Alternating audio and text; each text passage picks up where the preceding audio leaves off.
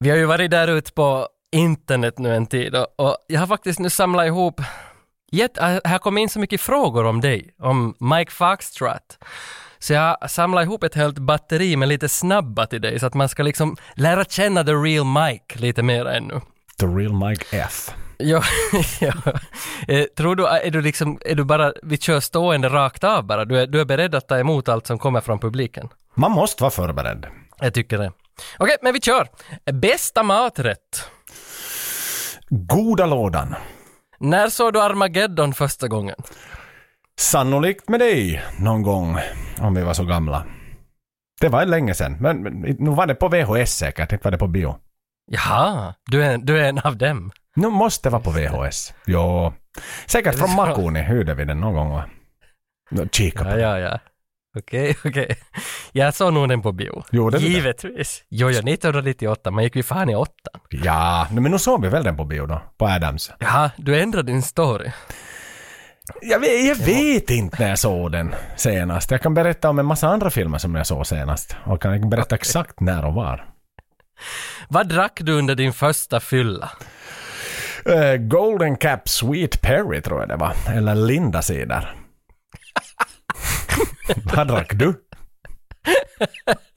uh, Salmix, uh, Koskenkorva Salmare. Ah, ja, Nej, det var så pass radikalt. Så spydde du svart. Exakt. Jag tror att det var något sånt. du vet, det är ju inte med metallen så att spy svart. Det... Nej, nej, är alltså det är riktigt såhär sommarskuggan, Ja. ungdomsåren. Jo, jo. Okej. När var senast du hångla med tunga? Senast? Mm. Ja, du. Ja. Nu var det på det här årets sida. Vem tycker du är bäst i Armageddon? Uh, nu ska jag ju säga att det är... Vad ska vi nu välja? Jag ska välja ju nog... eh, nu kommer jag bara på karaktärsnamnet från Sopranos. Eh, Tony Blandetto, säg nu. Han som kör motorcykel och är lite sån freaky av sig. I, alltså Wing Rames? Nej, inte Wing Rames, utan han... eh, Michael Clark Duncan? nej, utan han som är the, the baddest motherfucker i Con Air. Som är den som är, har en special, liksom... Han har någon specialsits han sitter i och han som är liksom bara rapar massa alltså, barn. he, he's got the whole Whole world in in his his hand. Graham Greene. the Marionetta Mangler. Han heter inte, han heter Alltså, Steve ju... Buscemi. Steve Buscemi tycker jag, helt klart. Okej, okej. Rockhound heter han i Armageddon. Yes. Okej. Eh, moped eller vespa? Moped för fan. Tunturi Aqua Tiger. Vattenköld. Vittu. Borrad. Rich... Denise Richards eller J.R.R. Tolkien? Nå, inte tolken. Så definitivt Ja. Denise. Okej. Brukar du ha reflex på vintern? Eh, ja... Nej. Okej. Hur många gånger vill du ännu se Rammstein live? Många. Herrans många gånger. Riktigt jävla många gånger. Är Daniel Tigers kvarter någonting du skulle rekommendera? Ja, speciellt om man liksom moralen i dem. Jag tycker att det är väldigt eh, fina liksom andemeningar i avsnitten. Det handlar om att tvätta händerna när man har varit på toaletter och det handlar om att man inte ska göra folk ledsna och att man kan dela på saker och också ge sina egna saker åt andra att leka med. Det är väldigt fint. Vad är mera manligt? Rep eller Starkström? Starkström. För satan mycket mer. Vem ringde du till senast? Senast ringde jag till min bror. Guns eller Metallica? Uh, ah, det är nog fan svårt det där alltså. Jag får nog säga Guns, gamla Guns. Mm. Eh, Bästa filmen med Jim Carrey? Ooh. Dum Dummer. Gillar du körsång? Uh, Nej, men jag sjöng i kör. Vem, vem samlar du på av NHL-korten? Eh, Cam Neely och Ed Belfour. Säg en dålig öl. Ehm, ja, eh, jo, Nils Oskars Trooper rip-off-kopia. Känner du någon som har sitt på porr? Uh, nej. Bazooka eller maskingevär? Eh, bazooka. Jag sköt ju Apila själv. Skarpt. Är du gift? Ja. Vad skulle vara din personliga sak i Robinson? Eh, en podcastmikrofon. Snyggt! Och med de orden får vi väl egentligen välkomna alla lyssnare för idag.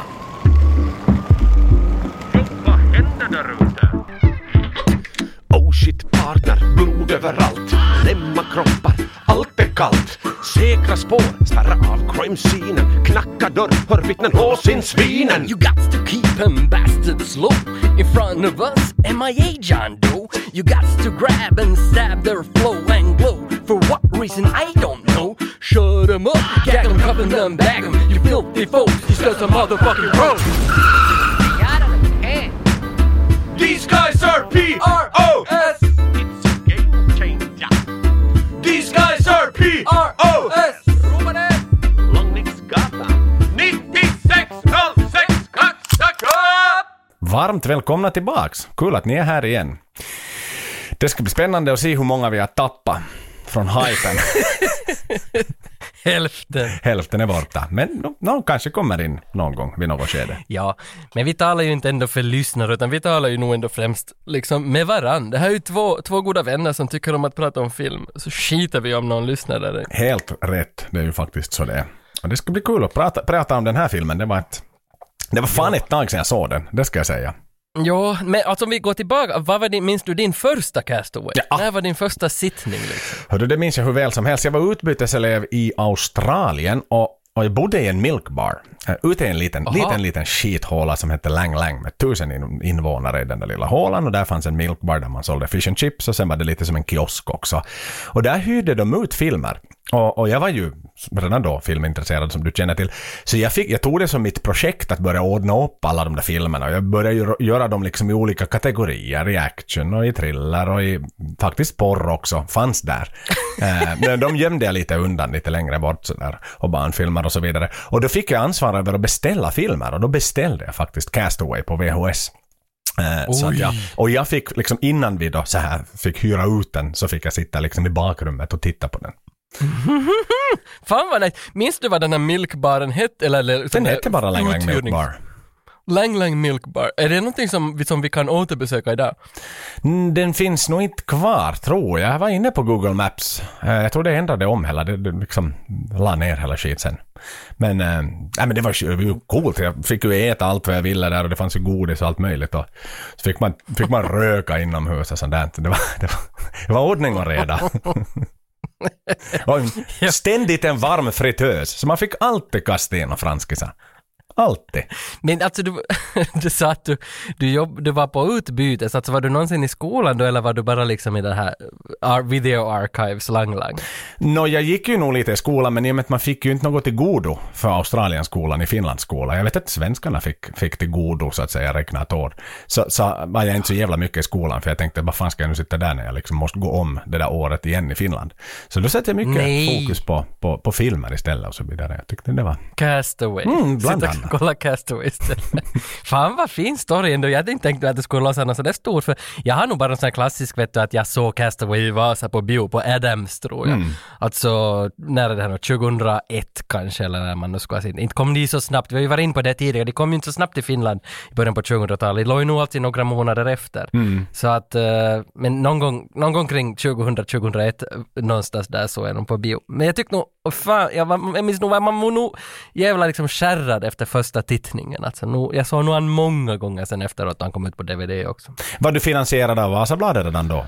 Jo, jo, jag tror vi skrev den här för Vasabladet, jag och Patrik Strande under epitetet ungsyn på filmen. Nice. Så, så gjorde vi, jag tror vi gjorde 70 eller 80 recensioner. Och Castaway var nog i våra, alltså skulle jag varit till och med en av de där första tio, för jag tror vi började kring 2000 eller 2001. För ah, jag tror att det var så att det var Unbreakable eh, som var våran första om jag minns rätt, och den var från samma år. Alltså du vet inte vilken avundsjuka du har skapat hos mig med den där jävla Willy Wonka-kortet du kunde gå runt med. Liksom, alltså, ett presspass. Ja, var som helst, när som helst i Vasa, på båda biograferna kunde du bara gå och visa upp det. Fördelen var ju att du faktiskt fick ta med en kompis. Men jag minns ibland, Mm. kände jag mig lite kränkt för du hade ju en, en flickvän då som du var ganska seriös med och hon tog du ju till och med med. Ibland. Ja, till och med, Och då- till och med då kunde du liksom- ibland. Då kunde du sidesteppa mig.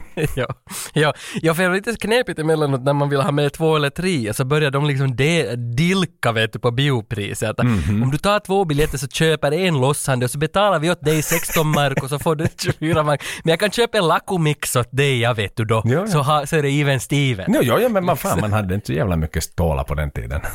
Nej, nej, nej, nej, alltså det var ju nog en lyx att få gå på bio. Och vi gick ju nog säkert tre, fyra gånger i veckan. Vi såg ju allt som kom Mhm. till Österbottens biografer mellan åren 2001 till 2004. Ja, ja, ja, ja, ja. Ja, det är sant man. Och alla, alltså, det, alla de här åren är ju dessutom i 9606-klammen när man precis har sett, jag har till och med sett Red Planet med Wall Kilmer på bio. Det har fan ingen gjort. Det är bara, Det är bara jag. tungt. Det är jävligt tungt. Vad är senaste Tom Hanks-filmen du såg förutom den här då?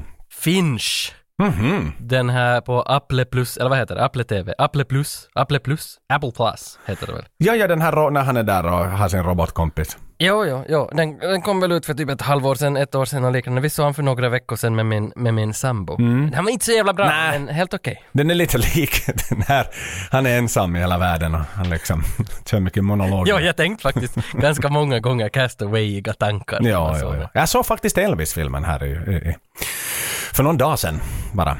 Ja, där har ju någon sån där Colonel Tom Beckett. Exakt, liksom hans manager. Som, som, ja. Jaha, ja, man har, Han blev, blivit ganska sådär eh, kritiserad för att han, det var han som drev Elvis till döden och sådär. Ganska färgstark så att säga. Det som jag kan störa mig på helt sjukt mycket bara, för där spelar han, jag tror att han är holländare i grunden, den här karaktären han spelar. Mm. Fitto ja, alltså amerikaner du vet när de ska, säg en bra amerikan som på riktigt kan spela europé bra och liksom accenter och sådär. Det blir ju så jävla löjligt alltid när de här ska tala så här, liksom det är som att jag skulle börja prata i podden nu så här. Och du, du skulle bara bli irriterad, Nej, du vi- tala som folk. Inte kläcker. Jackie Chan. Men han är ju inte amerikan. Nej, han är ju inte. Men sen tar du en britt och när de brer på ska spela till exempel en, en, en amerikansk roll så gör de ju alltid det klockrent. Jo, jo, jo, De kan jo, sätta jo, en jävla. Texas-accent om det så behövs. Men när du ska ha liksom en amerikan som ska låta som en holländare på lite sån här half-broken English så blir det, nej jag får sån här cringe av det. Mm, mm, ja. Nej, för jag tänker bara liksom Peter Stormare ungefär, men han är ju inte amerikan. Han är inte heller Men jag amerikan. tänker att han, han är bra att spela europé. Jo, jo, jo, jo, jo. Nej men nog det är så. ja, nej. Nej, fan inte kläcker jag något namn här nu. Jag, nej, tyvärr. Så är det. Så är det. Men, men alltså om vi kör, vi kör en, ska vi köra en, en castaway botten här så man får liksom, vad, sk- vad har vi nu sitt på för film liksom? Mhm. Vad finns det att, att vad, hittar man ut på i tidningarna och, och på nätet om den här filmen så att, så att vi får liksom en, en palett att stå på, alltså varifrån vi kommer helt enkelt. Jo, jo, jo, jag har ju också lite, vet du, Peros IMDB och budgetar Mm. och så vidare och producenter och sådär. Kan vi också. Men alltså vi, vi, vi matar av varandra då bara, vi, vi slänger på elden ju mer vi liksom bara liksom har till komma och Mhm. fyller i varandras hål så att säga. Det där, och om jag kör i början att 2000 har den här filmen kommit ut och det är alltså Robert Zemeckis som har gjort Castaway, det är han som står för regin. Robert Zemeckis, Forrest Gump, Back to the Future, man behöver väl inte egentligen desto mera säga om den mannen att han är ju, han är ju ett geni, ett visuellt geni. Uh, Castaway skriven av William Broyles, samma kille som låg bakom Apollo 13 och Entrapment. Uh, författarskapet alltså. Och sen eh, på kameran då Don Burgess, samma kille som filmar Forrest Gump och Richie Rich. Vilket är lite så här småspännande ändå tycker jag. Faktiskt, ja. Men Zemeckis är ju en sån som använder ganska ofta samma team. Det är ofta samma gäng som ligger bakom kameran. Så att all, de, de har jobbat med Zemeckis filmer tidigare, alla som är bakom den här kameran. Tom Hanks, Oscar-nominerad för bästa skådis för den här filmen. Mhm. Vann en Golden. Globe till och med. Johan Atjöjas för gick ju nog så den här filmen har ju nog gått jävla bra ute liksom på, på, på the award season. Mm. Eh, de andra som var nominerade samma år, Russell Crowe för Gladiator, Oh, eh, han som vann då. exakt. Och sen Javier Bardem Before Night Falls, Ed Harris för Pollock och Jeffrey Rush för Quills. Mhm. Men eh, sätter du Russell Crowe mot Tom Hanks i Castaway? Eh, gick det till rätt det här nu då? Till hundra procent. Nej men vad fan. Det är väl helt självklart. Ja. Han leder en hel jävla armé liksom och vet du, father of a murdered son. Husband of a murdered, wife. Det oj, oj. Nej, det är väl självklart, herregud. Jag skulle säga att den, I will have my vengeance Den- in this den- life or the next. den är ju kanske liksom sådär på 20 år den mest liksom väl, vad ska vi säga, utdelade Oscarsstatyetten någonsin. Jag menar den, Ja, ja, du är- den, okej, den är undisputed. Det finns inget snack Just om det, saken. Jag tyckte bara att där ute på internet så höjdes det röster att Tom Hanks var en mycket stabilare skådis än Russell Crowe. Men jag var inte benägen att hålla med för jag tycker nog också Russell Crowe är mycket, alltså han, han är, som du säger, på 20 år den mest be- bestämda, best male actor skådis. Pystin. Mm, definitivt. Nå, det, alltså sådana små intressanta grejer som man hittar. Alltså, I Castaway finns det ju en, en skylt i mitten av filmen där det står “Four years later”. Då vi flyttar fram och ganska mycket händer med Tom Hanks under de fyra åren.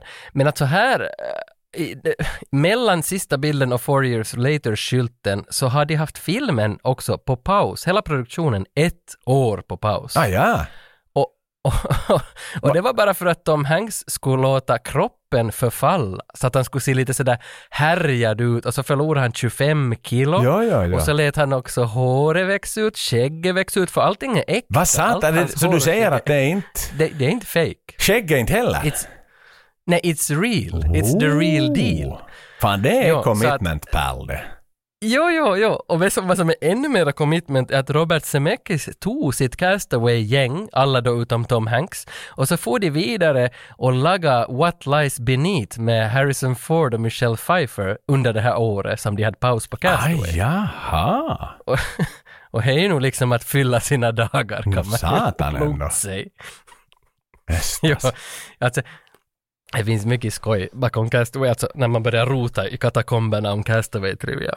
Men hade det nu inte varit lättare bara att de hade haft lite säckigare kläder på honom först? Liksom Mm. sådär, för han springer nu mest med ylletröjan på där i början och sen så liksom blir han onolla som vi kallar det, blir topless sen då. Ett med värmen så att säga. Och, och sen lite, vet du, fake skägg. Och en jävla peruk. Ja ja, men Tom Hanks känns ju alltid som en sån där att rätt ska vara rätt liksom. Och, och Zemeckis också, alltså såna, de här geniala filmskaparna som kommer från den där Spielberg-skolan, så känns det som att det får inte som fejkas någonting. Och fejkas det så ska ingen märka att det fejkas. De är som ganska hårda på det här. Så jag, ty- jag, jag blev nog, för jag visste inte att, att de hade haft ett års paus där, så jag blev nog riktigt sådär glad att fan vad roligt, men ändå att make sense eftersom Zemeckis. Det är respekt. Det är en jäkla det där Mm. till filmkonsten. En liten story om FedEx bara. Uh, under året, alltså FedEx är ju FedEx är ju typ en, alltså Federal Express, ett postbolag från Amerika. Mhm. De, är ju, de är ju mer eller mindre en karaktär i filmen. De, de, de, är så stor del av filmen, de syns fan överallt i alla bilder. Alla scener har någonting med FedEx att göra i princip. Japp. Och FedEx fick alltså in 30% mera arbetsansökningar under året som filmen hade premiär. Ah. Men, men det är nog ingen överraskning tycker jag. Nej, inte det är mycket awareness, men, men eh, jag tänkte på det där också, att sådär produktplacering och så vidare, det, i och med att det nu inte har en så liksom, vad ska vi säga, smickrande plott kring FedEx, så är det ju faktiskt sådär, det där är nu bara att nu, nu måste vi ha ett bolag. Antingen hade man hittat på, vet du, ett fake-bolag som heter eh, American Mail, eller någonting, nu finns det förstås ett sånt, men American Parcel Service till exempel. Och då hade allt varit helt liksom fake. Men, men hur funkar sånt där? För jag menar, det, det, det sätter ändå ett plan i sjön av FedEx, vilket då sådär in, kanske kan insinuera att FedEx-piloter suger. Jo, jo, jo, jo. Och därför har FedEx varit så jättenoga med det. För FedEx har alltså, de har inte betalat en euro eller en dollar ens för att vara med i film. De har inte betalat någonting för den här synligheten. Men alltså Sandra Munoz, som var marketingchef på Memphis-kontoret 98, kommer det trivia här. Hon fick ett samtal från, från skiv- skivbolaget, från filmbolaget, att, att de håller på med ett manus som och FedEx har en större roll i manuset. Och FedEx ska inte betala någonting för att få vara med och Tom Hanks är liksom med här. Så de såg ju det som en jackpot och sen så läste de manuset och såg att hej, ett FedEx-plan kraschar. Det är liksom sämsta tänkbara marketingen som finns för FedEx. Men, men efter det här så de har liksom de har, de har fått följa med hela processen ända tills filmen var inspelad, de har fått tyckt till om saker och så där, så har de bara sagt ja till slut då för att de tyckte ändå att att på något vis att uh, syftet med FedEx är större än att de kraschar liksom. Att, Mm. att, de, de, ser, att de ser inte som, alltså vad ska man kalla företagets spirit väger över det där faktumet att de kraschar i filmen. Jo, jo, jo. Så att där, därför liksom gick de som med på hela det här, de, de är med då, men, men de gav ingenting för det, men de fick 30% mer arbetsansökningar samma år. Fan det är bra, men du har inga siffror på hur många fler paket? Liksom som då. Nej. Anlitar dem. Nej, tyvärr. Men, men det som FedEx då gav till Castaway så var access då till alla flygplan och till alla de här stations i Moskva, Memphis och var de nu filmar, Los Angeles tror jag, och, och så alla kläder och personal och sen förstås all filmutrustning som skulle skeppas mellan de här länderna så har ju FedEx satt sig då mellan och så de är, de är på det viset liksom bidragit med massa hjälp, ekonom, men inte, inte då rena dollar som de har gett över till filmbolag. Ja. Och sen det är ju intressant på tal om det här med Moskva som du sa, att det är ju faktiskt filmat i Moskva också. Det är ju, och det är ju en, en liten, liten betydelselös scen egentligen sådär i, i introt av filmen. Vi kommer dit om en liten stund men, men att de ändå tar Hanks och liksom ett, ett crew till Moskva och faktiskt filma där. För jag menar sådant hade du hur lätt som helst kunnat göra. Eh, vet du hur många liksom Rysslandsscener har inte blivit inspelade i USA liksom under årens lopp och så vidare. Jo. Så att eh, det är ju jävligt ambitiöst. Men jag menar, med, med den vetskapen om att man tar en paus på ett år bara för att Tompa ska banta och, och låta skägget växa. Så no, jag inte, inte sparar man då på liksom krutet att, att han, är klart vi far till Ryssland om den här ska utspela sig i Ryssland. Jo, nej, och det här, det, det här är ju en, en storbudgetsfilm med stora, stora namn. Så att Jo, jo, jo. jo det var krut, 90 utan- miljoner kostar den att göra. Jesus, är det så mycket? 90 miljoner? Jag trodde det skulle vara billigare, men 90 miljoner, ha, ganska häftigt. Och då tänker du där också, i, no, i budgeten så är ju alltid alltså actors fees, eh, hans lön är ju involverad i de här.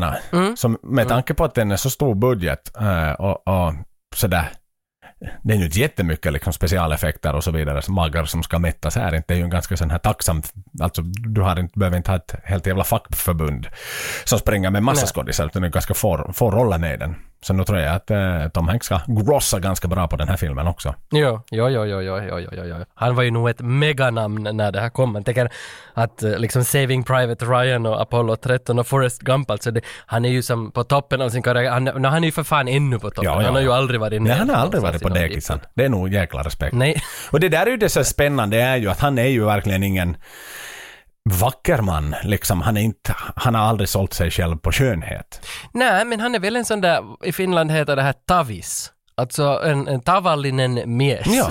liksom en, en, Är det positivt laddat eller negativt laddat? Nej, i fin- no, no, det är väl sådär semi, semi-positivt, men med en negativ klang. Hur man ska säga, att en vanlig man. En vanlig man. Och, och ha- ha- han, han klickar alla boxar på hur en vanlig amerikan ser ut. Mhm. Och, och, och därför kan väl alla liksom känna igen sig i hans historier och sådär. Hans bakgrund är ganska normal. Han har, han har inte liksom några riktigt häftiga saker att komma från sitt privatliv heller, som, varifrån han kommer. Nej. Så att eh, jag tror att han, han är väldigt, han är väldigt likable så att säga. Han är det, ja. Men jag såg några klipp på, på sociala medier. Alltså, du vet, vet du vad jag börjar hata som alltid dyker upp? De, de här reels på Facebook. Du vet, helt meningslösa filmklipp som är liksom Ja. stående format. Men då råkade jag trilla över någon, någon just med honom när han gick med sin fru. Och då svor han åt någon människa som kom för nära åt honom. Då var det riktigt “fuck off you motherfucker” och det var så här, nej men Tom, inte får du säga sådär inte. det passar inte alls. Nej, inte nej, alls. Nej, han är inte en sån som liksom blir arg på någon som kommer och tar en selfie för nära honom. Men han, han tappade Nej, nej, fattningen, nej, nej, nej. mannen där. Nej, inte i min värld. I min värld är Tom alltid Tom. Ja. En sån här snäll, snäll tillbakadragen man som firar jul. Men sen kan jag störa mig lite på honom där. Du vet, det finns de här klippen med Richard Gervais när han står och roastar folk på, på eh, no, galan som jag inte kommer namna, Golden Globes där. Och då ser han sådär, han tycker, han ser sådär opassande ut. Han tycker att det är opassande det som Ricky Gervais säger. Han, han är inte road egentligen utan han, det är lite sådär, han, sådana föräldrarögon, du vet liksom att nej men, nej men Tage. Nu ska du Jo, Tage jag inte tror- göra sådär. Mm. Men jag tror att det är tillbaka till hans liksom normal man. Alltså en, en normal liksom lärarstuderande från Österbotten skulle ju också tycka att det där är opassande. Mm. Liksom, att, han är ju inte, han ska inte heller vara någon sån där exhibitionist som, som sjunger i ett punkband. Han, han är ju på något vis motsatsen till det. Så att det, det, det är säkert en del av hans PR också att reagera på det där sättet för att sälja mera biljetter i ett senare Ja, för han vet ju när kameran är filmad liksom på honom. Jo, Men sen tappar han ju sin mask då när han liksom ropar you motherfucker åt någon som ska ta en liksom selfie med honom och blir jätteupprörd på det. Ja. För det var något så här, han kom för nära hans fru. Så han liksom blev väldigt beskyddande sådär. Eh, mot, ja. Sin, Ja, ja. mot sin trofé helt enkelt. Men det, liksom, det här med Wilson, uh, Wilson-bolaget, Wilson-brandet som gör atletiska produkter egentligen för, för Har idrotter du med bollar. har du ägt en Wilson-produkt, Tage? Jo, jag har nog två, tre stycken faktiskt på terrassen. Oh. Korgbollar. Nice, nice, nice. Jo.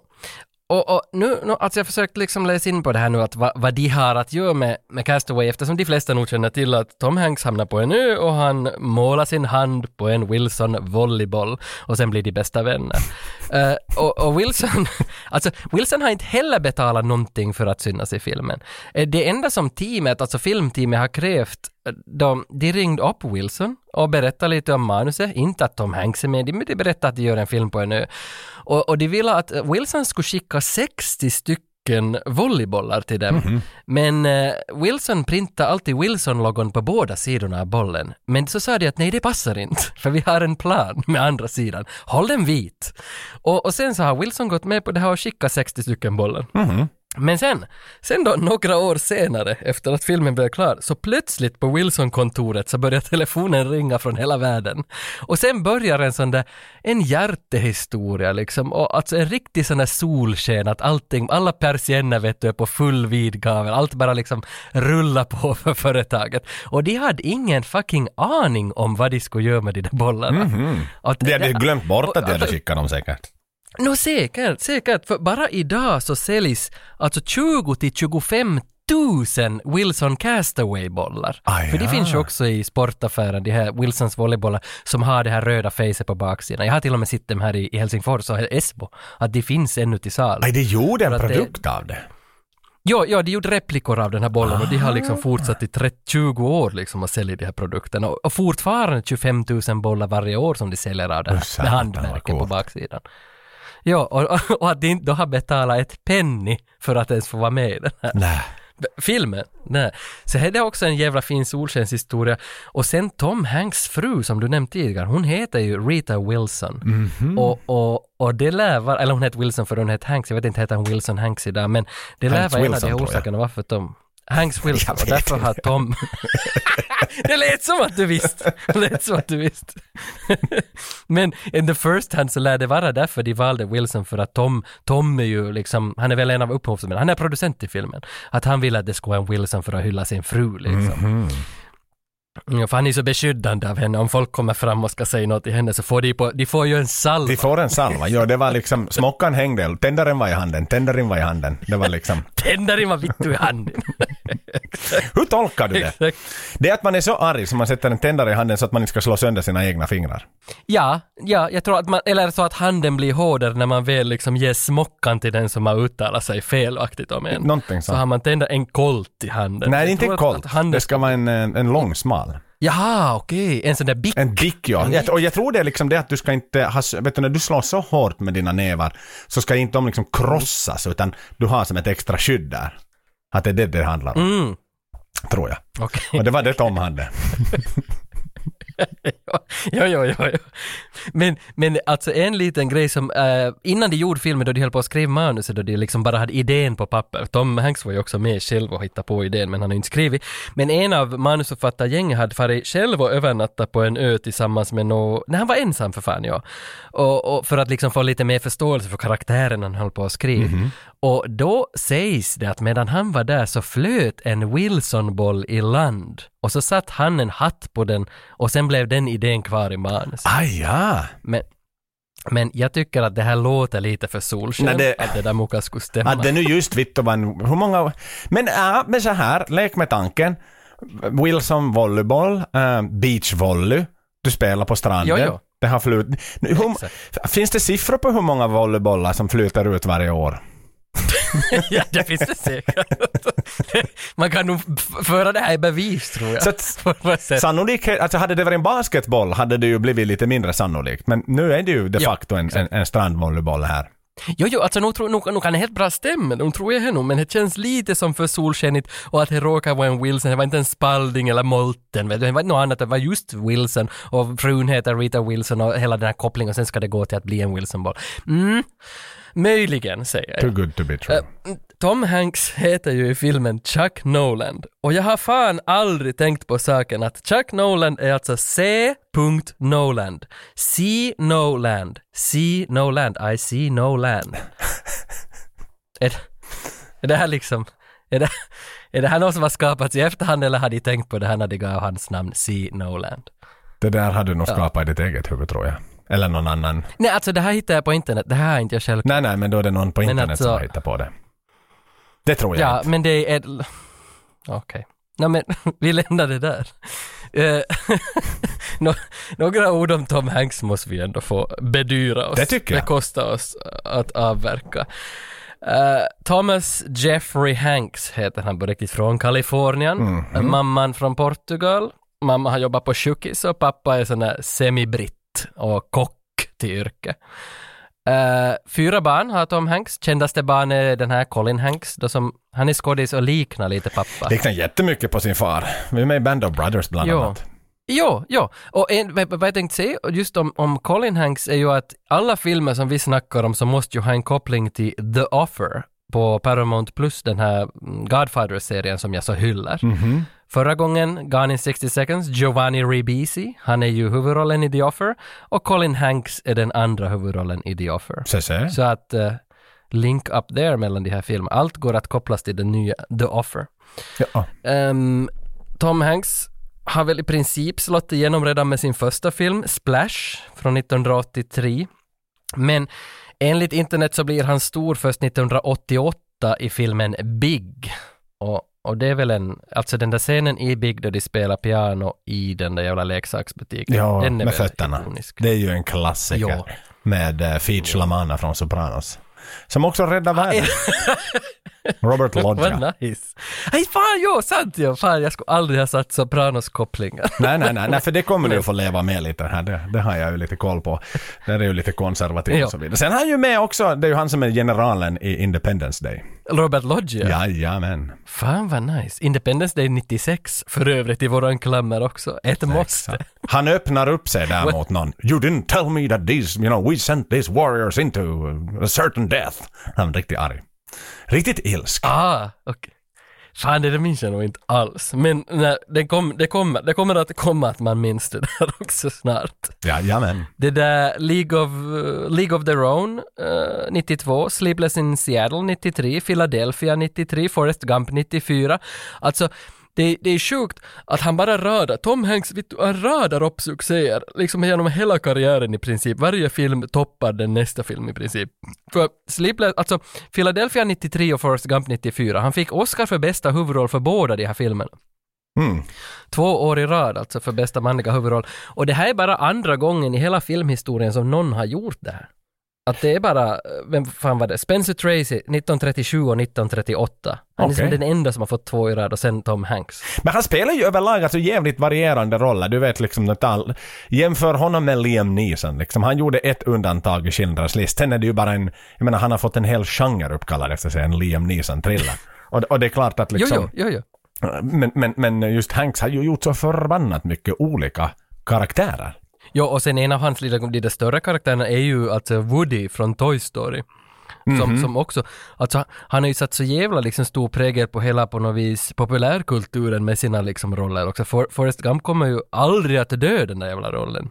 Nej, nej, nej, nej. Och sen liksom att ännu, ännu liksom leverera Green Mile och Catch Me If You Can och The Terminal och alla de här Da Vinci Codes-filmerna. Captain fucking Phillips, som var liksom min favorit, eller är minst på min topp 10 i världen av bästa filmer som gjorts. Captain Phillips, och det är också Tom Hanks. Det är också Tom Hanks. Men sådär, sådär uh, shooting from the hip, vilken tycker du är bäst? Bästa Tom Hanks har gjort? Oh, det där är nog en svår fråga. Alltså, Captain Phillips är ju helt skitbra.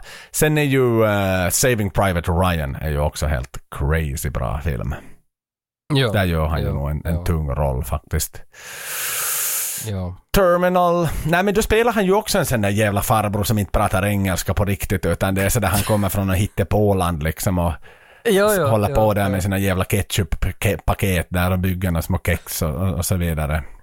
Men han är så charmig. Han är charmig Han ju så- också, då spelar han ju, nej, han spelar ju en öststatare liksom. Ja, ja.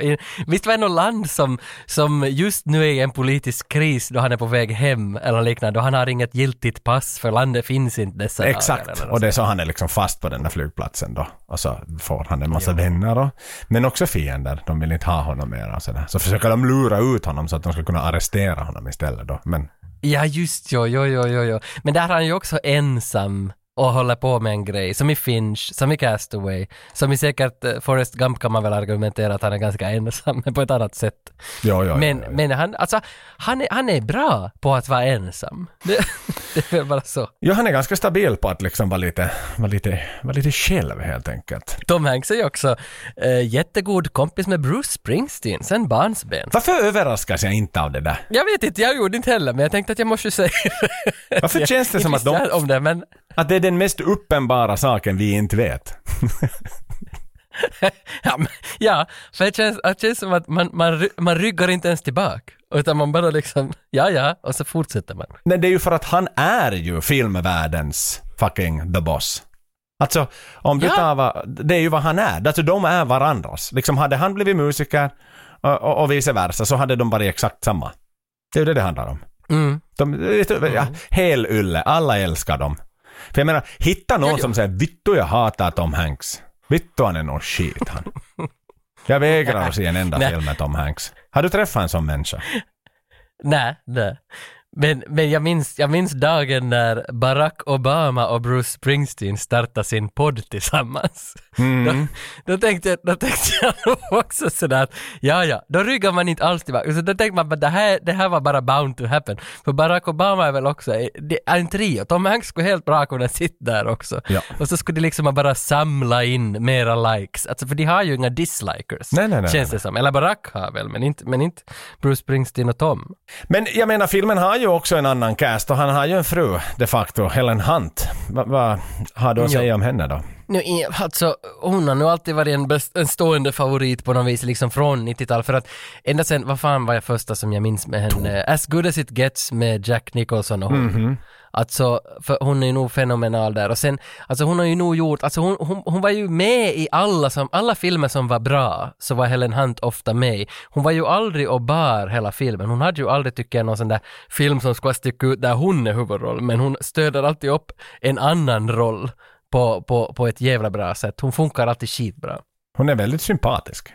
Jag tror inte det finns någon som, som säger att vittu jag hatar Helen Hunt. Nej, det tror jag inte heller. Men ett, ett Twister är hon ju med i. Men det är ju ändå en sån där. är hon. Ja fan, det är ju hon som är doktorn i Twister. Men, men vem har hon med sig där? Hon är ju, det är ju hon och en till. Bill, Är inte han från Sam Neill från Jurassic Bill Park? Paxton tänker du på? Är det Bill Paxton? Jajamän. Från, från Armageddon? Jajamän, han är död.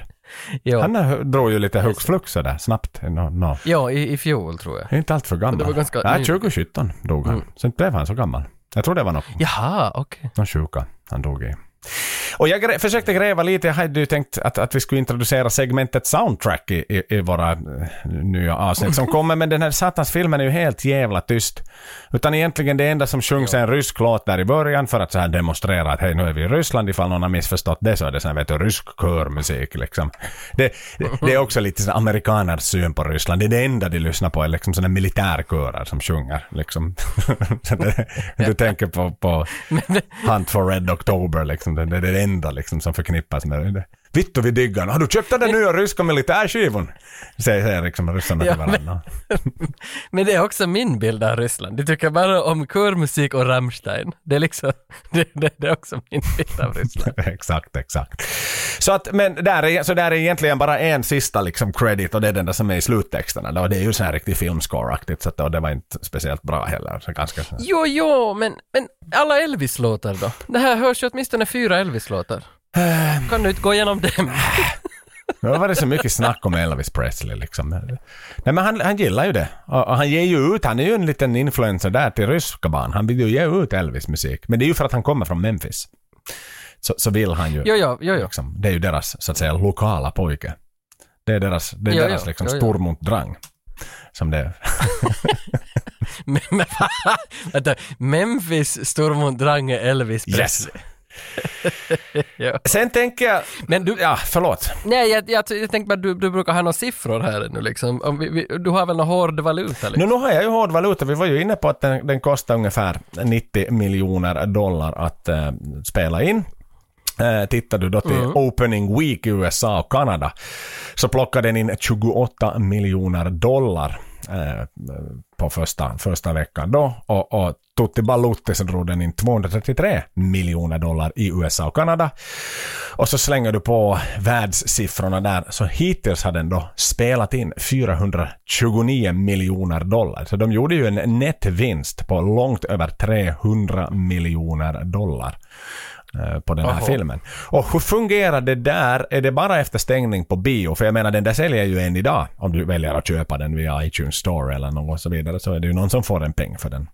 Jo, alltså nu, nu uppdateras det där väl hela tiden för nu, nu också när jag såg den igår så såg jag den från Paramount Plus för de råkar ha Castaway och nu har ju jag betalat nu igen mitt Paramount Plus abonnemang och av det abonnemangspengen går det ju någonting till det filmbolaget som har gjort Castaway och av den pengen går det någonting till Tom Hanks. Men hur många streamingplattformar har du tagit?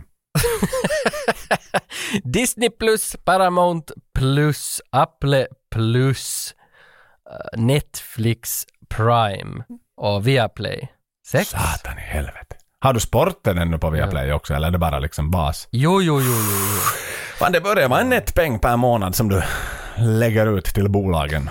Jo, men det, jag ser det som att jag måste, jag måste vara ajour med världen. Mhm. Och då, då måste jag göra det här. Jag måste betala till världen för att kunna vara ajour med Men det den. är nog sant, inte kostar det gratis. Det är inte gratis att bo i den här världen, det har du helt rätt i. nej, nej, precis. Och Jeff Bezos behöver mina pengar. Men HBO har du aldrig varit intresserad av? Jag hade nog det i några år, men sen så, det var så, det krävde så mycket av en. Alltså det kostar mycket och serierna kräver mycket. De var jävla bra, men det är som lättare att smätta igång When Nature Calls, liksom Ace Ventura, vet du. Det är lite som skönare än att lägga igång Succession säsong två. Nå, jo, nå är det du. så. att jag, jag på något vis faller lite på det, så tog de här barnen för mycket tid av mitt liv, så jag jag har, jag har valt nu att liksom distribuera min tid istället på Virtua Cop 2. Snyggt! Sånt här som är lite Satans lättare att ta in. Jag har ju fallerat med den här jävla Succession två gånger. Jag har två chanser har jag gett men jag liksom alltid ramlar bort från det sen. Trots att den är så Mm, hyllad och så fin. Men däremot kan jag ju säga att Elvis-filmen såg jag faktiskt på HBO. För de har ju sin deal där att de lägger upp, är det något x antal dagar efter att den har haft biopremiär så får de, får, har de en sån här avtal. Det blir därför till exempel Batman-filmen, den nya, kom ju jävligt snabbt upp på Jo. HBO också. Jo, nej alltså nu skulle jag vilja ha HBO ännu, men fan alltså det börjar nog bli lite dyrt. Fundera på More här ännu så man ska få kolla in sig lite portugisiska ligan. jag tänkte att jag skulle intressera mig för Benfica. Försöka bli en fan. Jaha, Men, men, men för det skulle vara lite roligt att följa, por- jag är så förtjust i Portugal och Portugals landslag och Cristiano Ronaldo. Jag skulle vilja liksom få lite mera bakgrund. lite rötterna till Men- han börjar springa som. Jo, och alltid när Chelsea köper in någon ny spelare så kommer de från Porto eller Benfica. Tänk om man skulle känna till de här, ja, ja, är det, är det gammal, ja, ja, här sitter han, det är fyra år, ja, högerflanken hela tiden. Tänk om man skulle som vet de här grejerna på förhand. Men. Så du men skulle vilja bli talangscout med andra ord? Jag, har, jag hade ganska mycket NHL-kort. Mhm. För det är ganska... Och du läste statsen där också, den där lilla tabellformatet. jo, och sen hade jag ju min Jeff Beckett-guide, eller heter han bara Beckett. Beckett-guiden? Den hade jag också. Den är jävligt bra, faktiskt. Där man kunde se vad, vad, vad Steve Eisermans Leaf-kort från 96 var. Jajamän, jag minns det. Import, direkt in, full import från USA så kom det här från Card. Corner hade köpt in Jo. och Jukosport. Exakt. Jugosport, ja. Kari Teräväinen bakom kassan. Jajamän. He två dollar, he två dollar hade Eisenman-kortet. Hade du, vad skulle du vilja ha i, i utbyte då? Men nu måste jag nog få en plastficka med. Hade du något sån här riktigt tjockt, du vet den där plastgrejen som man kunde skruva och grejer om man hade ett riktigt specialkort? Jo, ett. Jag köpte väl bara en sån och dit satte jag någon, var det nu Alexei Kovalevs någon rookie card eller var det någon Raymond Borkjö? Ja. Satan så fel. Hörru Tage, jag tänker att vi, vi jag har ju ett annat segment här med, med skurkar och så vidare. Och det finns inte jättemycket skurkar här, men jag har lyckats identifiera en skurk i alla fall i den här filmen. Den enda skurken som vi har.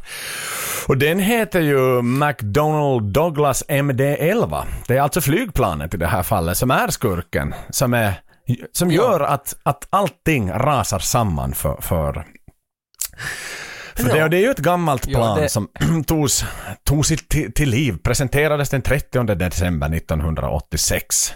Eh, och är ju ett sånt så kallat Mhm. wide body jet med, med tre motorer. Vanligtvis så har du ju två motorer eller fyra motorer på, på moderna plan idag. Jaha. Och oftast nästan så går du med, med det är typ bara A, A380 som har liksom dubbla motorer på, på var, varsin vinge och sen dubbla motorer på den andra vingen. Men idag går man ju oftast till mer Mm. kraftfulla motorer så det räcker med en motor per vinge. Men den här hade ju också i, i den så kallade tailwingen så hade du den en, en, en jetmotor som ligger där. Och det var ju, ska vi säga, det är inte lättast att identifiera att det faktiskt är en MD-11 som är skurk i den här filmen, för jag var inne på mycket flygplansforum och försökt läsa och det går heta debatter om vilket plan det faktiskt är som de åker i. Men jag har någonstans fått försöka dra en slutsats nu att det är de facto en MD-11 eh, som de har tagit då. Och eh, som sagt det är en wide body, för den skulle kunna åka långa vägar. Och om du får gissa, första leveransen, ah, leveransen av en MD-11, vilket flygbolag kan det vara? Finnair. Hör och häpna! Ja, jag tycker- Så proaktiva Finnair Ja. är. Nej men det känns som att alltid när man ser, sitter i ett Finnairplan som man ändå gör en gång i året kanske, så sitter man och bläddrar i deras katalog liksom i sätet framför en, plockar man upp en spypåse och en katalog. Mhm. Och, och i den här katalogen så ser man alltid den här siffran MD11 har jag för mig liksom, och Airbus 380. Och de här liksom små symbolerna av de där flygen och så en liten animation eller en illustration av ett flygplan. Och där tycker jag här sitter det MD11, därför slängde jag ur bara MD11 Finnair. Ja, snyggt, snyggt. Men de är ju inte passagerartrafik mera utan nu går de ju i viss mån kanske i frakt. De som finns kvar då, men de har ju spelat ut sin roll och så vidare. Och de, det är ju inte första gången som en Tom Hanks är ju inte den enda som har varit liksom motursam där eh, med MD-11 utan den har varit involverad i inte mindre än 30 olyckor. Eh, med totalt 244 dödsoffer eh, som, som den har skördat. Då. Shit. Och då var det ju en så här brutal olycka när, när det, Swiss Air skulle åka över Atlanten Mm. och den kraschade rakt ner i, i, i havet utanför Halifax, Nova Scotia. Det skulle till, till Genève från New York. Och det visade sig där vad det var som hände då den gången så var det att det var någon sån här, de hade dragit några kablar från de här nöjessystemen, du vet de skärmarna i, i, som, som eh, Swiss Air själva hade gjort lite slarvigt och dåligt. Så det, det liksom hade blivit någon kortslutning och så började det brinna i planet och så rasade hela skiten ner i havet och varenda människa tyvärr dog. Shit, vilket år är det Det här var alltså? 1998. Okej, samma år som Armageddon kom. Ja, så då var det en stor hemsk olycka med Swiss Air då. Så att eh, han är ju så att säga i eh, otrygga händer redan från start då, liksom, och, och det här skedde.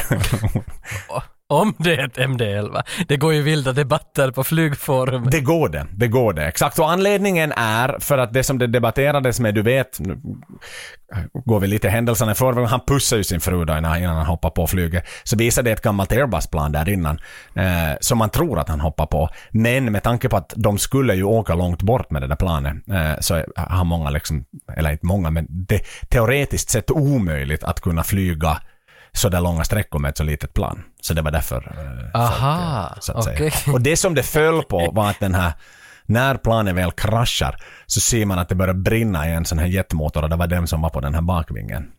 Det vill säga på tailwing-motorn. Jaha. Det är det som liksom... Okej, okej. Alltså fan vilka jävla hökögon alltså. Men jag älskar ju det här nörderiet, liksom att folk har tid och möjlighet att liksom faktiskt... Nog för att jag själv också håller på med sån här shit. Så, älskar mig själv. Men det är väl botten till att kunna älska andra, att älska sig själv. Det är början. Man behöver börja där. Sen annars har man ju svårt att visa emotionell drivkraft också till andra människor. Du har helt Exakt. rätt Tage. Du får öppna upp det om du vill. Jag kan Exakt. lyssna och svara. Men vad tusan Tage, ska vi ge oss i kast med storyn? We live or we die by the clock. That's how long we have. Two lines, two lines. One to the airport truck, one to the Moscow truck. Nikolai, tick tock, tick tock, tick tock, tick tock. Okay, I'll cancel Saturday. No, don't, don't. If I'm not here, I'm not. Just so long as you're here New Year's Eve. I will be here New Year's Eve, I promise. Merry Christmas. I love you. I love you too.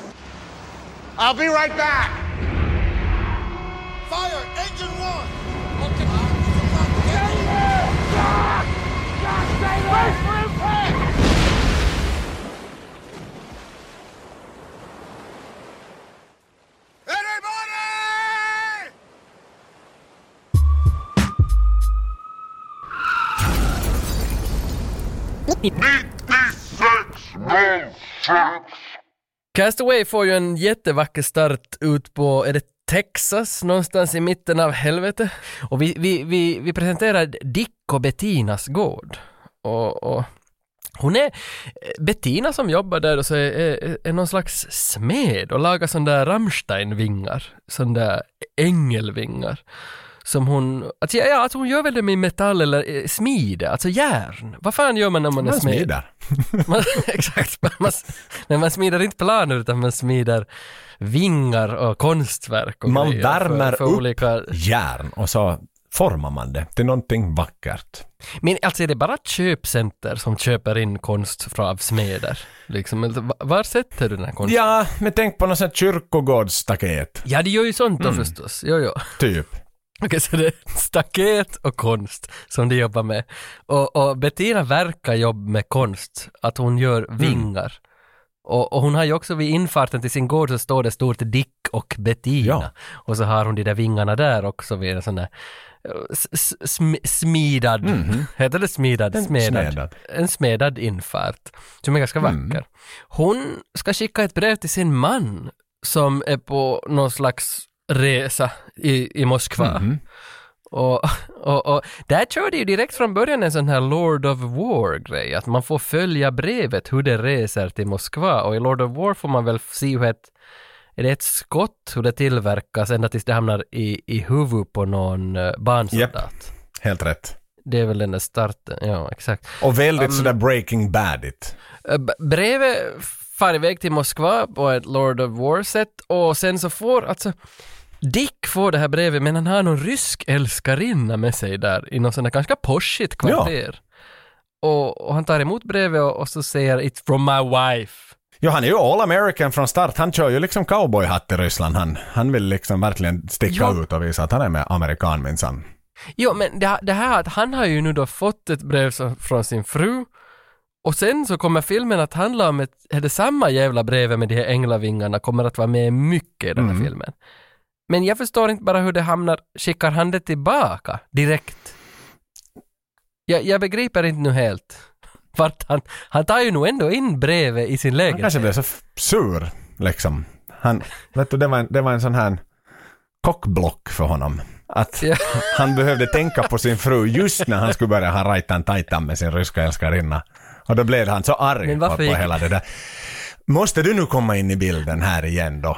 Men varför gick det att öppna då? För han var ju där i fart och fläng då med sin ryska älskarinna. Och så slår de upp dörren och en liten pojk som överräcker liksom ett brev från hand till hand. Ja. 2001. Så att... Det, men han måste ju kvittera. Du vet ju när det är sådana leveranser så måste du personligen Ja, jo, skriva förstås, på ja. det. Så, så du kan inte bara... Jo, jo, jag fick också, mm, jo, jag fick också faktiskt från UPS något brev här förra veckan som, det är också hand till hand och så måste jag kvittera. Mm. Vi kommer till Ja, det i slutet av Men filmen. Men- nog vad det där brevet Vi kommer till det i slutet av filmen, men där begår ju faktiskt Tom Hanks ett tjänstefel. Med just med den där kvitteringen. Jaha. Men det kommer senare. Ah, jo. Det är sant. Det är sant, ja. Ja. Men, men Nikolaj är också här. Nikolaj eh, är väl den här som deliverar de Mhm. här breven.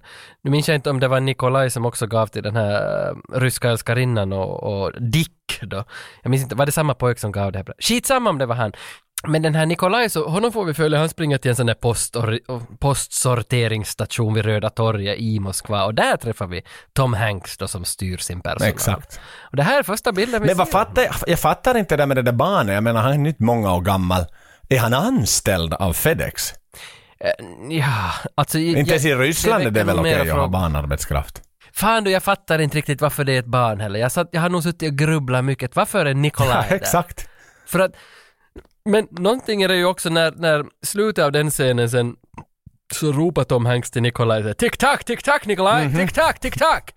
Och det är lite charmigt att en vuxen man skäller på ett barn sådär skojfriskt. Jo, på en arbetsplats. A- Att, ja, exakt. exakt.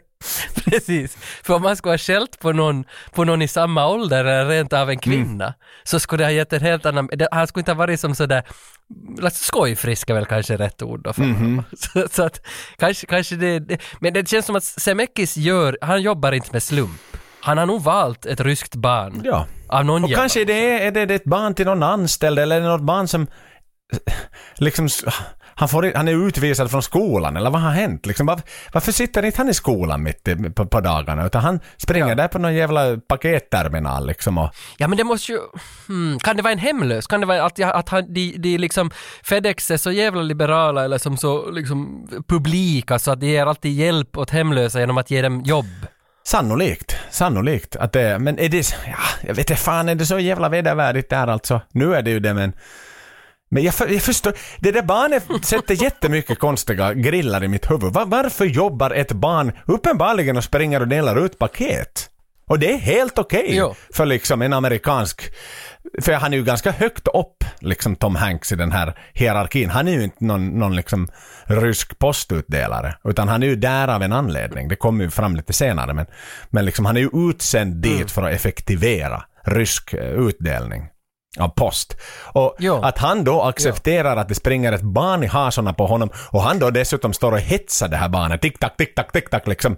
Du, när jävla, du vet, det, när jag ska ha barnen till skolan på morgonen då låter jag tick-tack, tick-tack, tick-tack liksom. Nu måste vi fara annars blir ni försenade. Men, men det här är en arbetsplats. Eller annars blir du Exakt. försenad. Annars blir Exakt. du försenad. There's a Men difference. I don't get it. Och, och, ingen har ifrågasatt det där. Eller så Hanon, du har ju hittat forum för MD11. Att det måste ju finnas ett forum för Nikolaj. Does FedEx allow child labor Exakt. in Russia? Exakt. Men kanske det... Nej, jag, jag tror att vi missar någonting. Jag, jag tror att det är nog någonting uppenbart här som man nu bara liksom förbiser och folk sitter och skriver. Ja, ja, ja, ja. Men så, så är det ibland.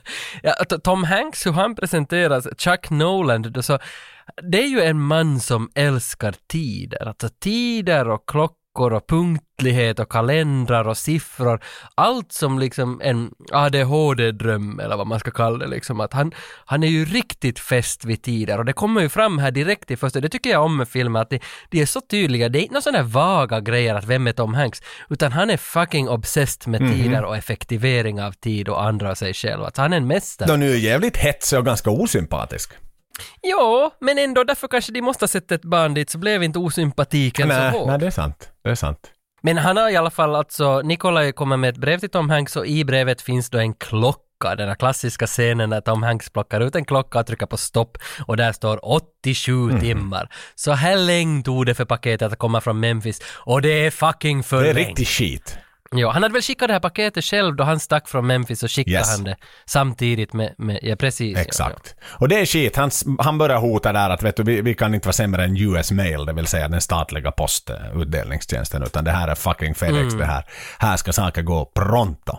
Ja. Samtidigt ringer han också upp sin, sin fru här från, från Ryssland och säger att han har tandvärk då, att han ska till tandläkaren så fort han kommer hem. Och det känns som att man förstod redan på bio nästan, så förstod man det där att den där tandvärksrepliken är så udda så att det kommer att ha någonting att göra på ön med att han har tandvärk och han kommer att få problem med sin tand när han kommer till ön.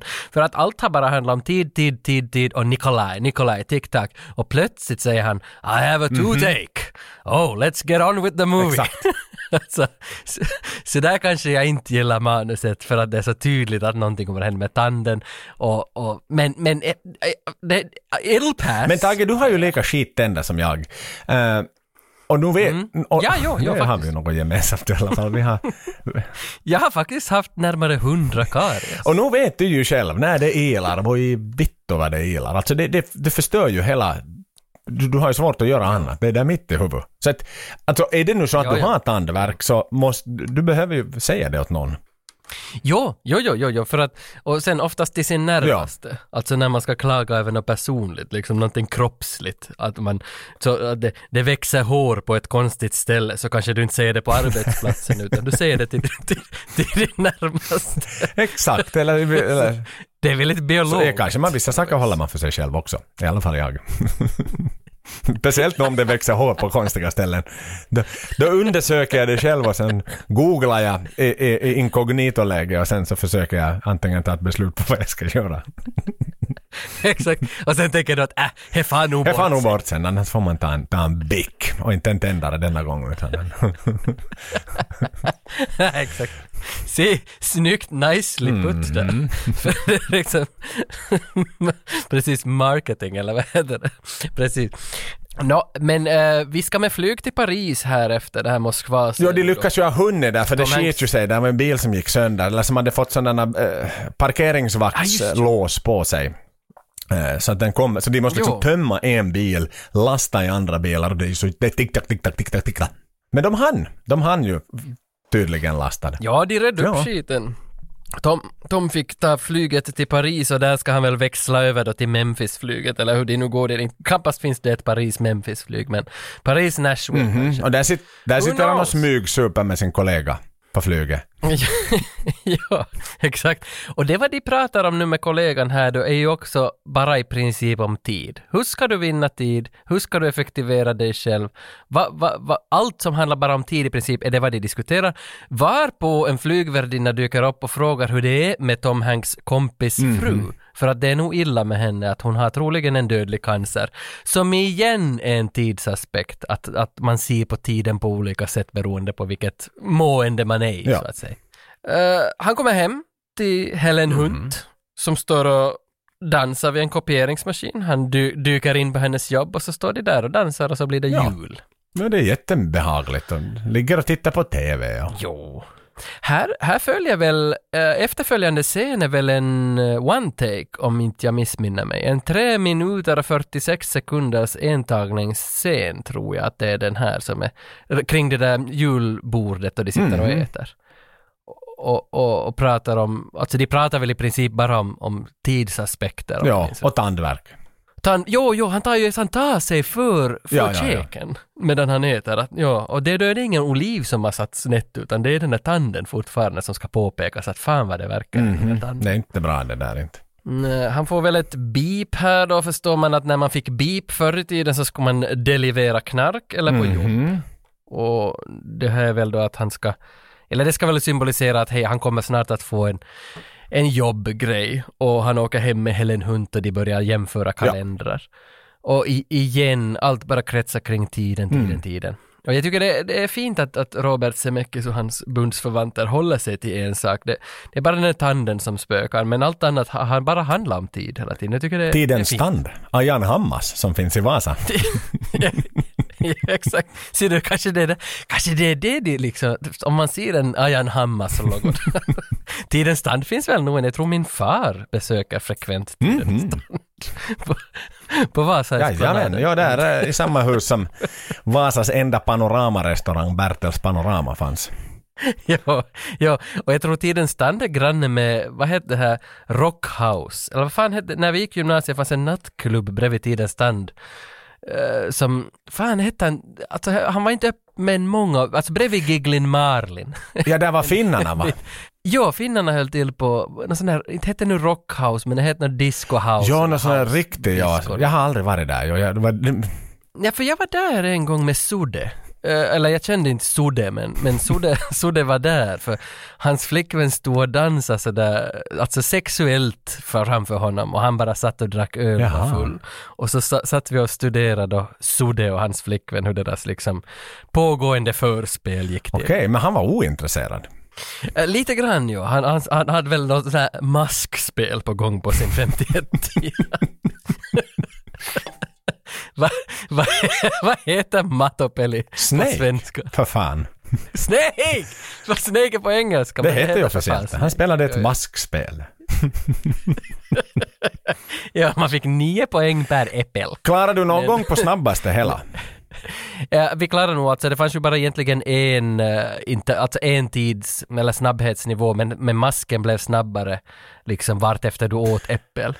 Och man kunde ju bara få 2008 poäng och sen så gick man i mål så att säga. Nej, nej men vänt. För, Och- för, ja, jag tror du kunde spela det i nio nivåer. Alltså nio hastighetsnivåer. Ja, men då pratade de om det där modernt, 71. Nej, nej, nej. Jag pratar De gamla hade- 32-tian här, Tage Rönnqvist. Och 51 Ja, ja, men då var det nog bara en nivå om jag minns rätt. Eller har jag nu liksom...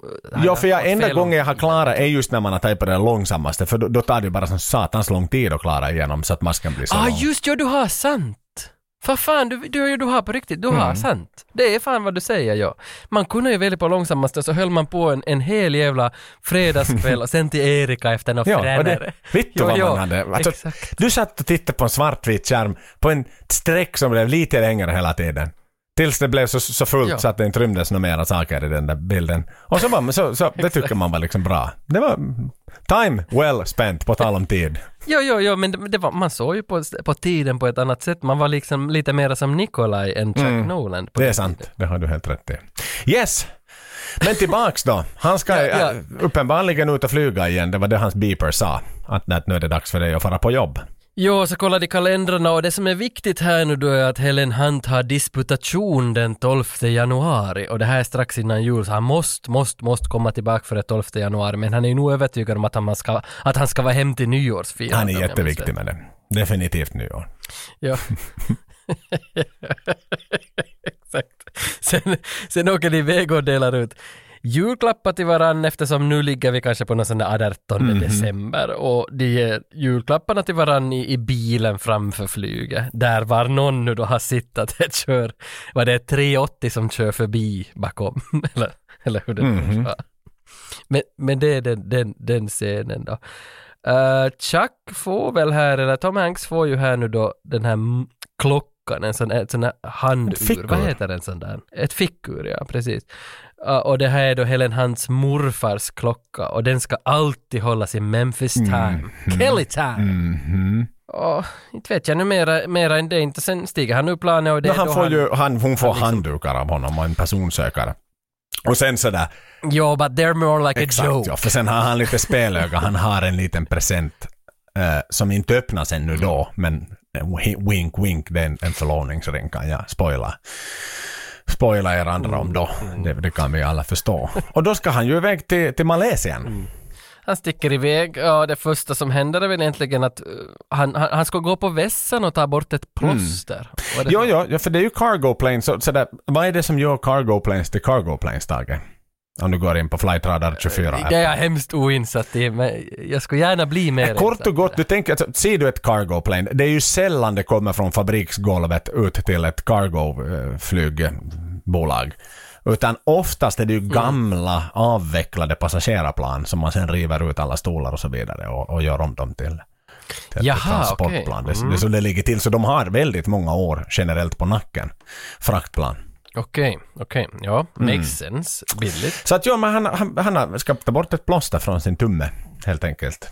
Jag tycker det är ganska fint för att när han, det är just då när han drar bort plåstret som det säger bang och flyget börjar liksom bräka neråt mot havet och det ska krascha. Men jag tycker det är ganska som snygg scen att man eller hela Castaway jobbar ju ganska mycket med kontraster hela tiden sådär att han pottar på sin lilla, lilla tumme och är oroad för något plåster, han, ett sånt där butterfly-plåster som fanns i Vasa, som han liksom ska få bort från tummen och när han liksom riktigt får bort det minsta så händer världens största olycka i bakgrunden. bakgrunden.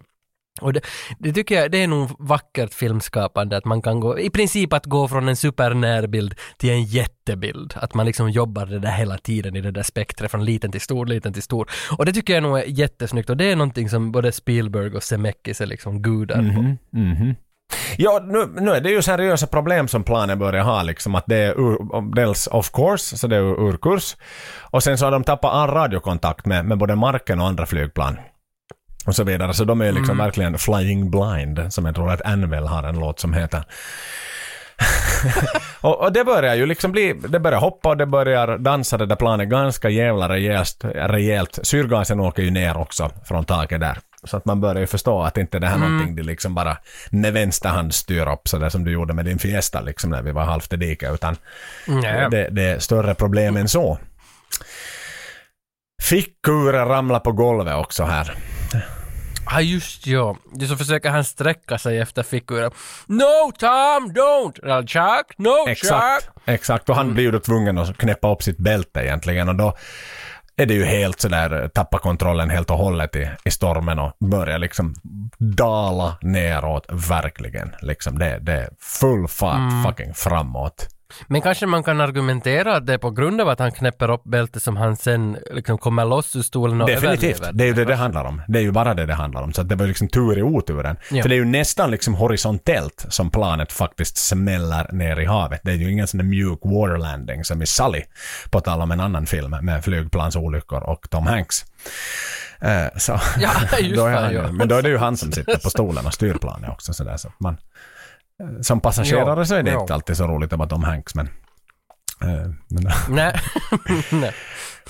Nej. Och den bryts i tu, flygplanskroppen. Verkligen, liksom den fuselagen så, så bryts i tu. Och det är ju här han liksom då, på tal om just att han är liksom fri och inte fastknäppt i stolen då, som han tar tag i någon sån här eh, flotte då, eh, som som då blåser upp sig själv, du vet, Ja. om den hamnar i vatten. Precis som, som de alltid säger att flytvästarna ska göra, som blåser upp sig själva.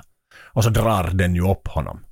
Och det är nog liksom legendariska bilder allt det, för att varje gång jag ser den här scenen så, så minns man tillbaka när man första gången såg Mm. de här scenerna.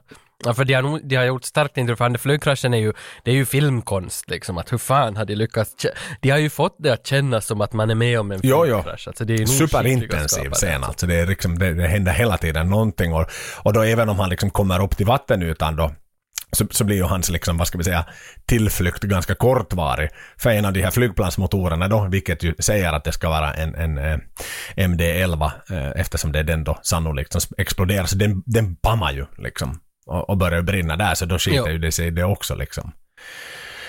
Men den klarade sig den där flotten. Jag trodde den skulle sprängas sönder den där mot, av, av eh, allt det här deb- debris som kommer ut från flygplansmotorn. Ja, men inte, inte på film. Han måste ju klara sig, annars skulle det vara jo, jo, jo, jo. han skulle ha Exakt, ja. så där ligger han ju där i den där, han tar ju sig upp i gummibåten och han är ju jävligt sönder förstås, som man nu skulle vara mitt ute i havet. I mörkret, någonstans in the middle of somewhere. Ja, för han somnar väl i princip där i gummibåten av, av, av bara det här jäktet så att säga. Han svimmar väl av, Ja. tippar väl av helt Exakt. enkelt. Vaknar till lite några timmar senare då han krockar mot en klippvägg eh, som då är found land. Och fortfarande så är det en megastorm när han krockar till men, men han kommer väl han vaknar väl till först när det blir ordentligt när det blir morgon Ja. liksom. Han, han klättrar upp på en strand så att säga. Nej men exakt. Och det är då som han för det där är ju på något vis ganska avgörande för hela Castaway när han kommer upp på stranden och inser att både beepern och den här Memphis Time, Kelly Time-klockan har slutat ticka. Att batteriet klarar inte, den klarar inte av stormen och vattnet Nej. så att säga. Och det är ju också ganska sådär symbolt för, för hela Tom Hanks karaktär att som alltid är så tidsnazist liksom och nu slutar klockan ticka för honom och en helt annan tidszon tar vid liksom och han har inte koll mera på klockan så att säga.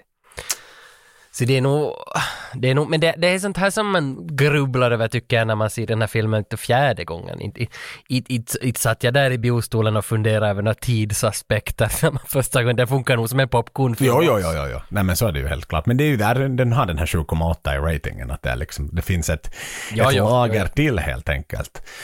Och Mm. ja, men som sagt, vi var, han vaknade där på morgonen på stranden och det är filmat på Fiji för övrigt. Uh, Ah, de här okej. scenerna. Jag funderar lite på det där för det fanns hemskt lite info om det där, märkte jag att var den filmas. Men det är någonstans Jajamän, alltså. som allting är gjort då. Här skulle jag ju med fördel kunna berätta att, eh, vi var ju inne på i förra avsnittet att vi hade vårt, vårt eh, egna eh, filmproduktionsbolag som jag och du har grundat för länge sedan, som inte är ett bolag utan det är en logotyp framför egengjorda filmer. Eh, jag gav ju på det, vårt samma label, så gjorde jag en helt egen film som hette Terror Island. Som jag gjorde eh, Andamanska öriket. Som är egentligen helt kopierad av Castaway. Helt och hållet. Mm. Du gled väl i land på en strand där och så började du ropa? Jajamän, folk? jajamän. Eller, Det var så roligt, den har ju typ noll views men på YouTube var ju filmad med en gammal Nokia sån där typ mm, första smarttelefonen. men ligger den ännu på YouTube? Kan, man, kan folk gå och se på Terror Jag tror den Island finns kvar. Sen, det, det, men det roligaste med den filmen är att det är någon amerikan som har liksom äh, äh, sågat den där filmen så i detalj. Han har gått igenom scen för scen för scen för scen och liksom good looking guy lying on a beach. But his acting is not very convincing at all. Liksom det, så, det, så det så jätte... Jag, jag första gången blev jag jätteförolämpad. Eh, för, så det nu i efterhand tycker jag det, det var roligt att någon har ansträngt sig så mycket liksom och verkligen valt att kritisera min film. Hello! Help! Ah! Help! Where the fuck am I? How did I get here? I was out. Fishing holidays. Jo men det var säkert någonstans, för den här filmen kom väl ut kanske 2004, 2005 Någon gång någon gång. Och, och, och då fanns väl inte ännu nättroll, utan han har väl varit en av de här första nättrollen den här då. Ett pionjärnättroll. Jo, för jag minns att jag var också ett nättroll 2005 kanske då när jag spelade Travian, Travian på, på nätet om man skulle liksom infiltrera andras borgar. Och sen, sen så gick, gick det enligt liksom vanliga logiska tiden att om, om, om det tog fyra timmar att bygga en, en hölada så tog det fyra timmar i spelet också. Och sen alltid när man loggade in då på eftermiddagen så hade någon varit och rånat höladan och då brukade jag ta kontakt med de här människorna och skrev hur illa jag tyckte Oj, herregud Tage. Du är också en pionjär. och då, då, då, ja, då, då svarade ju att det här är bara ett spel för helvete. liksom, men, men då kände jag också mig som att jag fick lite dåligt i vara att okej, det är faktiskt någon som läser det här. Men jag var ju en form av nättroll då också på travian.se. Jag var ett svenskt spel. Nice. Ja, men nu, nu går jag nästan från, eh, vad ska vi säga, skamsenhet till smicker. Att jag ändå blivit liksom utsatt för ett av de första nättrollen som finns. Ja, exakt. Yes, men, men eh, ja, han började hitta, hitta två FedEx-paket. Ja, det är väl en Foo Fighters-skiva och en Beckett-guide som han plockar Exakt, upp ja. där från dina paket. och så börjar han med de här ropen Hello! Ja, han härjar och skriker och, och liksom är fundersam om någon är där på ön. Och han håller ju på med det ett bra tag liksom. Det, det är första gången. Jo, men jag tyckte ändå att det var lite för skyndsamt, alltså de här scenerna. Jag kunde bra helt liksom vaggas in i den här takten som, filmen bytte ju ganska Ja. hårt takt nu, men det känns ändå i efterhand som att de hade lite bråttom. Jag skulle nog gärna ha sett fem minuter till av de här bara liksom tomt sökande, att han skulle bara gått runt på ön, för jag tycker det är så charmig, charmig miljö som han rör No, det är sant, i. det är sant, det är sant. Och sen första natten på ön, så inte, inte går den ju så riktigt vidare för honom. Han vaknar ju av, av massa hemska ljud. Men det visar ju sig att det är bara enkla kokosnötter som ramlar ner från palmerna. Och så skrev han väl ut ett hello, nej help, inte hello. Ändå nice liksom. Hashtag hello. nej, nej, det var han skrev jag vet inte, jag tycker det skulle vara så mycket bättre om man skulle ha skrivit hello. Nej, i och för sig. I och för sig. Det ska passa hans karaktär på något vis kanske. Ja men det är så snyggt. Så liksom vet du när flygplanet åker där förbi så ger de oh, hello to you too, liksom tummen upp bara och så fortsätter det. Ja, där är säkert någon koloni som har det Exakt ja. Precis. Precis. Men man märker ju då också att hans helptext har spolats bort av tidsvattnet eller högt vatten och så måste han göra ny helptext med stockar då. Och jag tycker om allt det här liksom jobbandet som han gör i början för han inte har ju någon dum filur inte. Han är ju nog liksom direkt och gör alla de här eh, liksom measures som måste tas liksom för att man ska kunna Ja, han är ju en förnuftig och driven man. och, och där är också igen det här med Semekis kontrastfilmskapande, att han är som på något vis med om världens hemskaste öde som en man kan vara med om, men på världens vackraste Mm. Ja, ja, ja. plats. Att du har som två totala motsatser som möter varandra på en. Och där igen är sådär att man sitter lite och myser att någon, någon har tänkt till, även om det är en väldigt enkel tanke, så det tar sin tid att hitta på den där enkla Så är tanken. det, så är det. Ja men det är ju inte Replot han är liksom på nu. Nej! nej, nej, det skulle kunna vara Replot i november, då hade man nog varit ännu mera ja. Men varför, alltså för sen plockar han ju upp jättemycket FedEx-paket och han vägrar öppna det, han samlar det på hög liksom. Och eh, jag funderar bara, är det här någonting med hans liksom rakryggadhet, att han är så Absolut. plikttrogen, pliktkänsla Jo, jo, jo. till? Det är det han är ju, här jag menar, han har inga barn, han är kär i, i Helen, men, men överlag så är han ju, han är ju liksom högt upp i hierarkin och väldigt arbetslojal. Han, han älskar nog att jobba den karln. Så inte det finns det på kartan att han ska liksom börja utnyttja folks eh, försändelser på något eget sätt. Och, och här börjar han ju också först snickra upp kokosnötter så att säga med, med, med det som, som finns till handen. Han börjar ju med några stenar och grejer och här hacka och ha sig och sådär. Och det här var samma som de hade gjort, det här manusteamet som for över natten, eller den här ena manuskillen. Han hade också uh, funderat och grubblat på natten hur han fan ska få upp en kokosnöt och så stod han och kastade den i väggen och han försökte liksom hacka den. Han gjorde allt det här och de här scenerna skrev han sen in i sitt eget manus då liksom. Att det, det är det här man kommer Ja, att göra. ja, ja. Och vad fan, det, det känns ju väldigt logiskt att det är det här man skulle göra. Man måste få upp en jävla kokosnöt för att släcka. Han blir ju mer och mer smooth hela tiden. Han liksom räknar ut saker och så börjar han använda den stenen som en kniv för den går sönder och sådär. Har du öppnat en kokosnöt, Tage? Nej, det har jag fan aldrig. var i, vet du vad, när vi var i Las Vegas, det var världens coolaste kokosnötter. Då var det, det var kokosnötter men med en eh, sån här kork. Så de hade satt in en sån här liten plasthals Aha. på kokosnötterna och kork, så du hade skruvkork på kokosnötterna. Men, att- men, men hur mycket vatten finns inte inne det i är ju en mycket kokosnöt? inte. De är ju liksom, eh, Det är bara, det är bara en en liten skvätt. ja. Så att det är långt ifrån liksom att hela Aha. kokosnöten är full. Men det är det där köttet man är efter, det där vita liksom som finns i Exakt, Bounty. det är det du vill ha. Det är ju där liksom näringen sitter. Sen är det ju förstås kokosvatten kan man ju dricka. Det är ju inget fel med det men. Sen far han iväg på en, på en expedition. Ja, han ska väl högst upp på bergen då för att se ifall han ska liksom se någonting i periferin så att säga. Och det var han ser en, en död man, eller han ser en flytande kropp som han springer ner till och, och märker ju då att det här är ju en av de här kollegorna då från, Mhm. från flyget. Går igenom hans belongings, begraver honom, inser förstås att skorna är lite för små. Uh, surt nog. Och så hittar han hans ficklampa. Uh, Albert Miller, han hittar ju hans pass. 45 år gammal. Sen när han be, 45 precis. Ja, för, ja, det som jag undrar nu när han begraver honom så ristar han in då hans dödsdatum där på, på stenen, på runan där ovanför grannen och så står det då 1950 till 1995 då han. Alltså så att vi lever 95 och filmen är gjord 2001 då, eller 2000. Men varför måste det vara set in 95? Alltså har det någonting med något att göra? Ja, jag vet faktiskt inte. Nu är det ju kanske lite mera eh, tydlighet om vi tänker tillbaka till Ryssland. För då, då hade ju Ryssland bara varit i Ryssland i fyra år. Och, och låt oss säga att det skulle vara tio år senare, då kanske de faktiskt hade blivit lite smartare och kunnat tick-tack, tick-tack, tick-tack och varit lite effektivare. Men jag menar, här är det fortfarande någon typ av sovjetisk mentalitet att vittu, vi ska inte göra mer än vad vi måste liksom. Att det kanske var det. Sådär, För då ger det ju plötsligt liksom, menar varför var de så skit de här ryska postutdelarna? Liksom. För de, de har bara hållit på. Ja, ja, ja. Jag menar det var ju inte precis som att direkt Sovjet försvann så, så, så landade ett FedEx-plan och de började bygga upp någon terminal liksom. Utan det kom väl successivt något år senare och sådär. Ja, fa- alltså ja, det skulle vara på grund av, av hur Ryssland porträtteras i Castaway som man har valt att det är 95. Sannolikt, jag vet Alltså, inte. det- Men det, det, det är absolut ingen dum tanke men jag undrar nog om det är verkligen Ja men jag tror det, för han är ju en Alltså- effektiv studieman, han är ju en effektiverare. Och då behövde de gå till ett sånt här emerging market som har varit riktigt skit, Mm. där de liksom har lanserat FedEx för bara ett år sedan och sen tittade de i sina rapporter att bitte vad det är skit, liksom tittade de håller inte tiden överhuvudtaget jämfört med USA så hade liksom, är de så surke. Så att Mm. jag tror nog det är det det handlar om. Ja, ja alltså ja, det är mycket möjligt så har du precis rätt.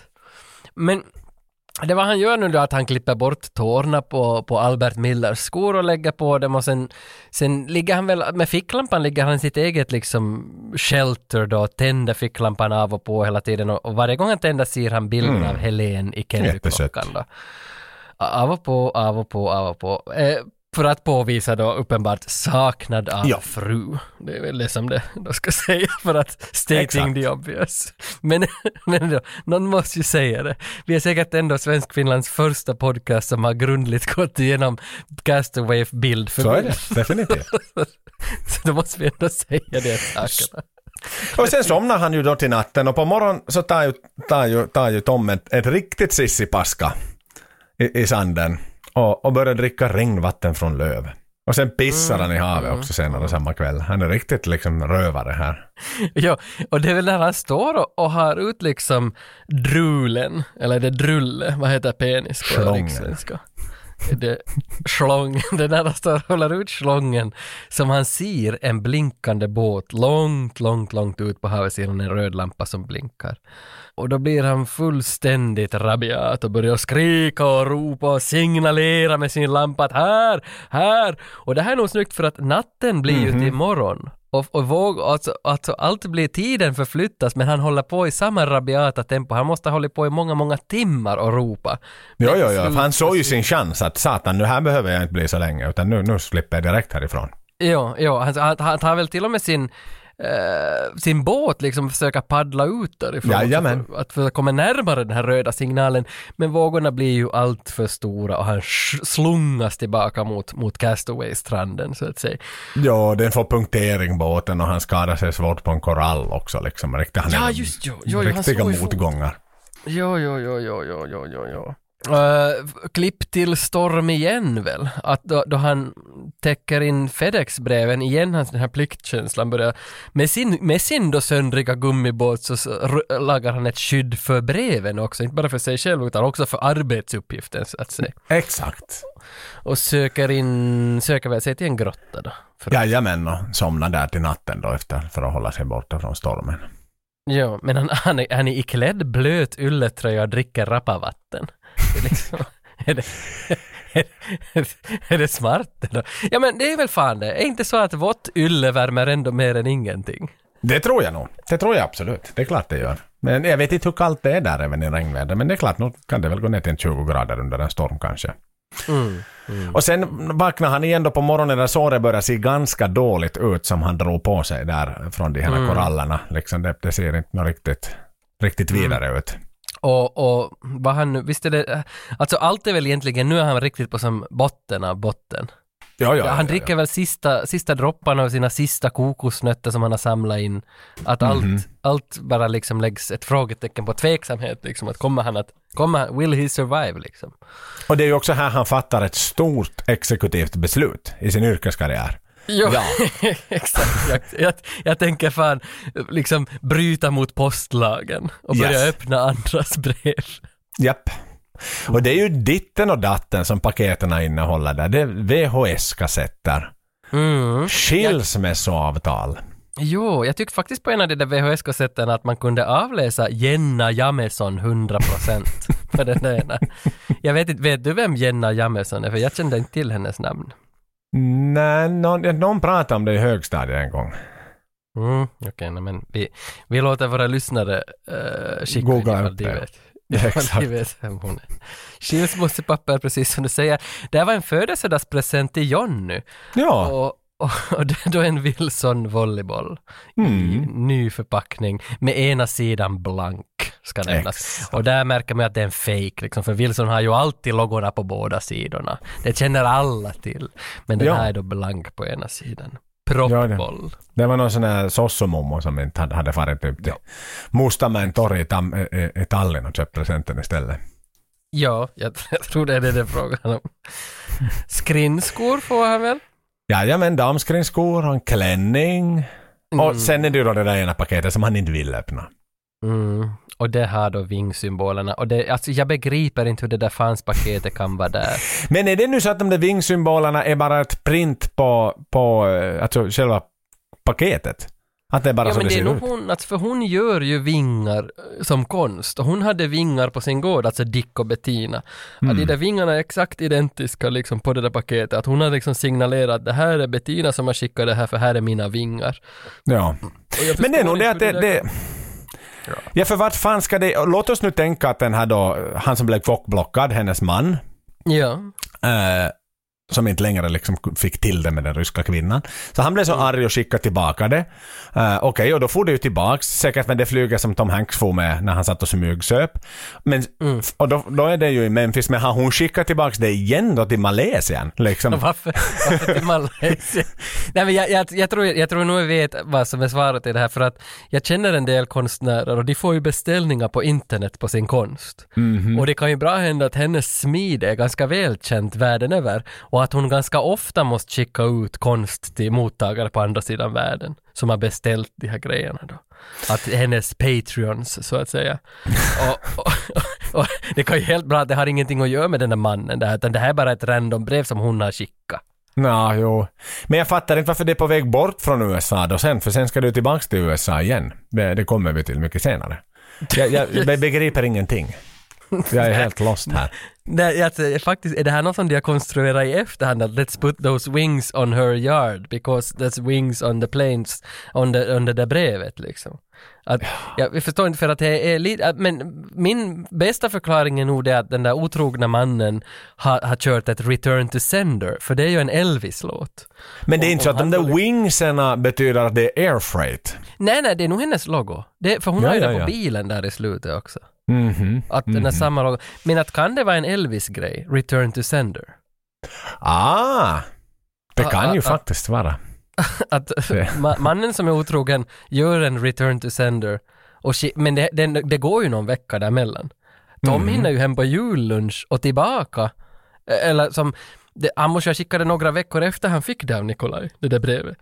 Så, då, då, så det kanske bara låg i hallen i några veckor och sen så skickade han tillbaka det till sin fru för att i brevet står det att jag ska skilja mig från dig. Nej, nej, fan inte kan det stå det. Han har ju bara skickat tillbaka samma låda. Ja. Men han kanske öppnade den och satt till ett lapp, en lapp till. Där det står att jag vill, jag vill gifta mig med Svetlana nu. Exakt, för det går ju mycket, eh, alltså i intervjuerna efteråt så med filmen och allt sen, diskussioner med filmmakarna så hade det ju varit mycket förstås diskussion att vad innehåller det där jävla brevet som inte vill öppna och alla har typ svarat samma sak vad det innehåller. Att där finns inne i brevet en vattentät satellittelefon som dras av solar power. Japp, exakt. Och det där bygger ju på att FedEx gjorde en uh, Super Bowl commercial med exakt den här scenen. Ah just det, ja okej, då så de har gjort den där scenen på grund av att folk sa det här efter filmen säkert. Yes. För Så tror då var det det, liksom. Ja, för jag tror det var Semekis själv som sa det där säkert första gången då, att det är det som, som finns där. Så att det ska harma sen då, ingen får veta vad det är. Men det är väl en, en, vad heter det, McGuffin heter väl det där fenomenet att man visar någonting väldigt ofta men man visar inte vad det innehåller. Som i Pulp Fiction, den här lådan som det skimrar ur, som inte man får veta vad det finns i den här lådan. Det, Ja. Jag tror det, ter, termen är väl McGuffin för det där. Det, det är något som folk ska bara liksom, som ska föra storyn vidare men man ska inte veta vad det är. För det som hon säger i reklamen när han frågar att uh, “What's in the package?” så säger han ah, “Just a satellite phone, GPS locator, fishing rod, water purifier and some seeds. Just silly stuff”, säger hon. Ja, finns, okej, okej, du citerar en reklamfilm. Vad fan, jag har inte sett den där reklamfilmen, men jag, någonstans läste jag om det där. Jag, okej. Ja, men det är lite roligt också. Men i alla fall, paketet är intakt. Så att lite lojal är han trots att han har liksom begått ett tjänstefel alldeles just. Ja. Och nu kan han ju börja använda de här sakerna lite. Skridskon så blir ju kanon för att öppna kokosnötter. Eh, nätet på klänningen kommer ju för att fiska spigg. Mm. Ja, alltså klassiska spiggar, då blev jag nog glad för spigg finns väl bara i Finland. Det finns bara i finska vatten. I österbottniska vatten faktiskt. Det, den, den är skyddad i kvarken. Exakt. För man plockar ju upp som, som ung pojk, så plockar man ju upp spigg och satt dem i ett sånt där, en sån där klassisk 10 liters hink som man Ja. samlar blåbär i och sen på, på sommaren kunde man också ställa spigg i dem. Och så hade man spiggarna där tills vattnet blev för varmt och så avled dem alla och så flöt ja, ja. alla spiggar på morgonen där. Och så satan man stigit på de där jävla taggarna. Oj, pitto vad det tog ont alltid. Jo, det hade ju varsin tagg på vardera sida. Jo, jo, man har ju vet, vet inte hur många spiggar man har haft, haft fast i fötterna där inte. Men har, har spigg ett namn? eller, eller heter det bara spigg? Det heter spigg. Och sen var det folk som var riktigt sadisk, sadistiska vet jag, som, som ta, satt såna mattare in i munnen på en spigg och så sprängde de upp spiggen inifrån. Jo, mattbomber. De som var populära samtidigt som Kina-bomber. Man tog lös en liten mattare och sen trockade man in den i munnen på en spigg. jo, men, men någonstans är det ju pojksträck. Ja, pojksträck var väl en grej på 90-talet också. Och sen får han en krabba på fångsten också, men den verkar nu inte så jävla god inte. Sen börjar ju Quest for Fire här. Ja, ja, det är väl en Maiden-låt för övrigt också. Det stämmer bra, det är från Peace of Mind. Ja, inte, inte kanske en sån jättevass låt, men ändå en låt. Nej, den är ganska dålig faktiskt. Jag tror det är Dave Murray som har skrivit den. Åtminstone delvis. Men i alla fall, han börjar, han gör där och, och, och han får ju blåsor på händerna. Du vet, han snurrar här pinne vet du, i händerna. Snabbt, snabbt, snabbt, snabbt, snabbt, snabbt, snabbt. Och, och, och ger ju upp, så det får bli kokos denna dag också. Ja. men sen hittar han ju lite nya metoder. Eh, Ja. och här får han ju ett riktigt utbrott här sen. Liksom, han, han öppnar sig. Ja, för att alltså, han har väl den här nya, nyköpta Wilson-bollen eh, då ställd in, invid bredvid sig i princip medan han håller på att hinka den där elden. Och så skär han väl upp handen när han hinkar så mycket så det slinter, handen slinter på den här ena träpinnen då så får han blod på handen. Och ropar åt den enda som, som lyssnar. Och det är Ja. för fan en boll. Och det är ju så den får det här handavtrycket, röda handavtrycket av bloden på sig. Jo, och här finns en jättefin teori såg jag på nätet. Den, den har jag inte tänkt ut själv, men eftersom han slår sin hand på bollen så att det liksom, han menstruerar på bollen så att säga. Att, bo, att, att bollen är liksom född ur Toms blod. Det är det som är teorin. Och, och jag tror att den här faktiskt stämmer, att, att det är hans blod som föder den här bollen. Jo, jo, jo. Nej men det är ju inget snack för det var ju bara en boll fram tills det här. Jo, jo, jo, jo. Och sen målar han ögonen i blodet. Yes. Och sen har vi ett blodshandsmärke med ögon och näsa, mun på, på en Wilsonboll och så har han en, en kompis med sig. Exakt, får han börja snacka. Och inte ger han ju upp, även om han är arg. Han, han börjar få lite rök. Hej, titta, det kommer lite rök. Och så misslyckas han. Och sen hinkar, hinkar, hinkar mera. Han och sen smått liksom, typ torrt gräs. Och så börjar det brinna. Och så, vitt och, nu får han igång. Börjar bygga en riktig strandbrasa där med allt vad han hittar. Palmblad och allt möjligt. Och vrålar sjungandes The Doors Light My Fire. Och är jättestolt över sina bedrifter.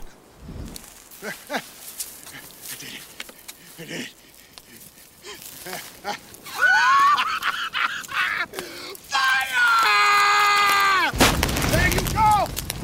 Light it up! Come on! The torn, the hook, the dirt is through. Go! We couldn't get much higher. Come on, baby! Light my fire! Ja, jättesnyggt klipp det där, att från den där lilla, lilla, han sitter och blåser på den där lilla, lilla röken, så klipper det till att det har blivit kväll och han har en jävla sån här, liksom eldfest på Kokko. stranden. En kokko, ja. Att det, är så jättesnyggt hur man liksom hoppar i tiden där med flera timmar framåt det är så snyggt det. Hela den här eldgrejen, man blev, jag minns på bio också att man blev så jävla glad när han fick igång elden, att det Faktiskt, väckte ja. verkligen känslor där. Ja, det behöver han inte. Då får han äta grillad krabba istället. Jo, jo, jo. jo, och det är väl i det här skedet han kallar nu när han li- ligger och äter krabban som han kallar bollen för Wilson. Exakt, exakt. Och, och också någonstans ganska rätt ställe för här gör han ju nu då på en bergsvägg matematiken för sitt sökområde och räddningshjälparna liksom. Att, att hur stort är det här området som de måste söka på när han, han visste väl var flyget gick off course, hur hårt flyget körde, var det ungefär starta och mäter upp att it's twice the size of Texas som de letar på och they may never find us, hans slutsats. Men eftersom det här är så svår matematik så måste han göra det till någon som lyssnar. För han skulle kunna prata ut det här till ingenting. Att det skulle kännas så dumt. Så när han har en boll att säga det så känns det ändå halvlogiskt att han säger till den där bollen att Jo, jo, annars blir det som i de, annars blir det som i de här amerikanska såpoperorna, du vet när de står och tänker för sig själva. I must leave that man. När de står helt ensamma i ett rum liksom, bara för att det är Ja. dåligt. Ja.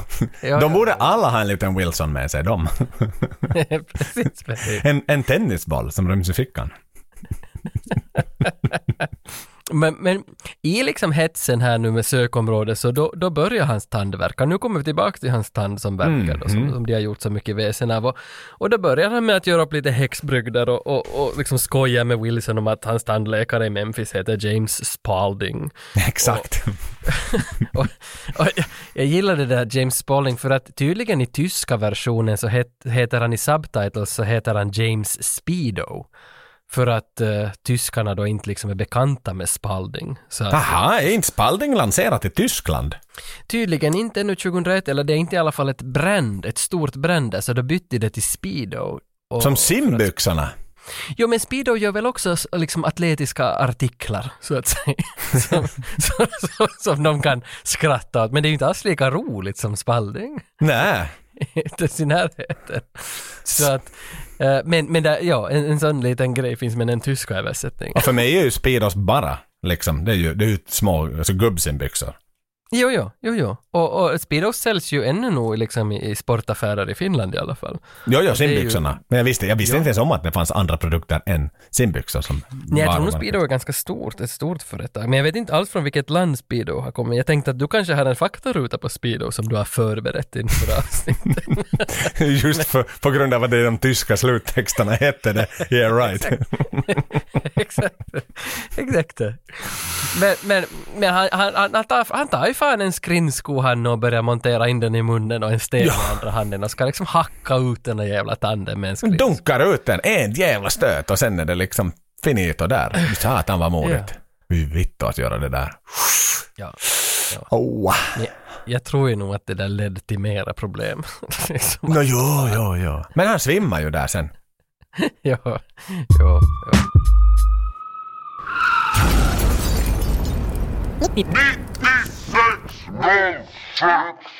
Sen hände det något markant i filmen, Tage. Mm, Ja, det här är väl den stora chocken, hela filmens största chock. Åtminstone från mitt eget minne på bio, hur man satt golvad när four years later och han är fortfarande på ön. Jesus Det var en Christ. stark, en stark skylt alltså. Men, riktigt ännu också, när jag blev lite chockad nu till och med när jag såg den igår också, hade skylten, jag hade glömt bort den där skylten, men four years later, tre enkla ord som förändrar så mycket på allting. Ja, för hittills har det ju varit liksom mer en sån här blogg nästan. Man har fått följa honom i, i sitt dagliga jobb liksom. Och han strävar framåt. Men nu har det liksom, Jesus Christ, fyra fucking år har han varit där. Mm, mm. Men han har ju lärt sig ett och annat. Han är ju väldigt rutinerad fiskare. Han är en skäggig karl. Mm, jag har flyttat in i en grotta. Mhm. Äter råfisk rakt ur fiskmagen liksom. Har gjort kalendrar, han har ju börjat få tillbaka sitt vanliga liv. Han har ju liksom gjort upp kalendrar på stenväggarna och räknat ut vad det är för datum och, och liksom målat upp sitt lilla kontor kan man väl säga. Exakt, och måla sin fru många gånger också. Blivit lite sen konstnärssugen kan man väl säga. Jo, och här, det som jag aldrig har tänkt på här, för Wilson har ju fått ny frisyr. Mm. Alltså, för i militären fanns ju, i finska militären finns någonting som heter brackel. Alltså Ja. att man, ett, ett brack eller liksom ett, ett skogsris, eller hur man ska säga. Som är ganska svårt att ta sig igenom. ja, ja, ja, men jag tänker liksom om man tar det ännu mindre liksom sådär, vad blir det, makroperspektiv? Att om man, om, om man, liksom- det är ju snårig skog som brackel egentligen betyder. Men, men, om man, men om du tar liksom ett brackel så är det ju bara ett ris, ett skogsris så att Ja. säga. Så att Tom, Tom, Tom har ju då samlat ihop några brackel och gjort det till en frisyr för, för Wilson. Och, och, och Wilson ser ju nu då ut som Chuck. Ja. Uh, och, och här någonstans så började det ju nå klarna, åtminstone för mig och säkert för många andra, att Wilson-bollen är ju Chuck. Alltså på något vis att Chuck och Wilson är samma person. Men att Chuck står, det är det klassiska det här att man har en ängel på ena sidan och en djävul på andra sidan. Mm. Att han, han talar egentligen bara med sin, med sin tvekan. Att alltid när Ja, han ja, har någon ja. sorts farhågor så frågar han sig själv och han, Wilson är då en symbol för hans egna rädslor så att säga.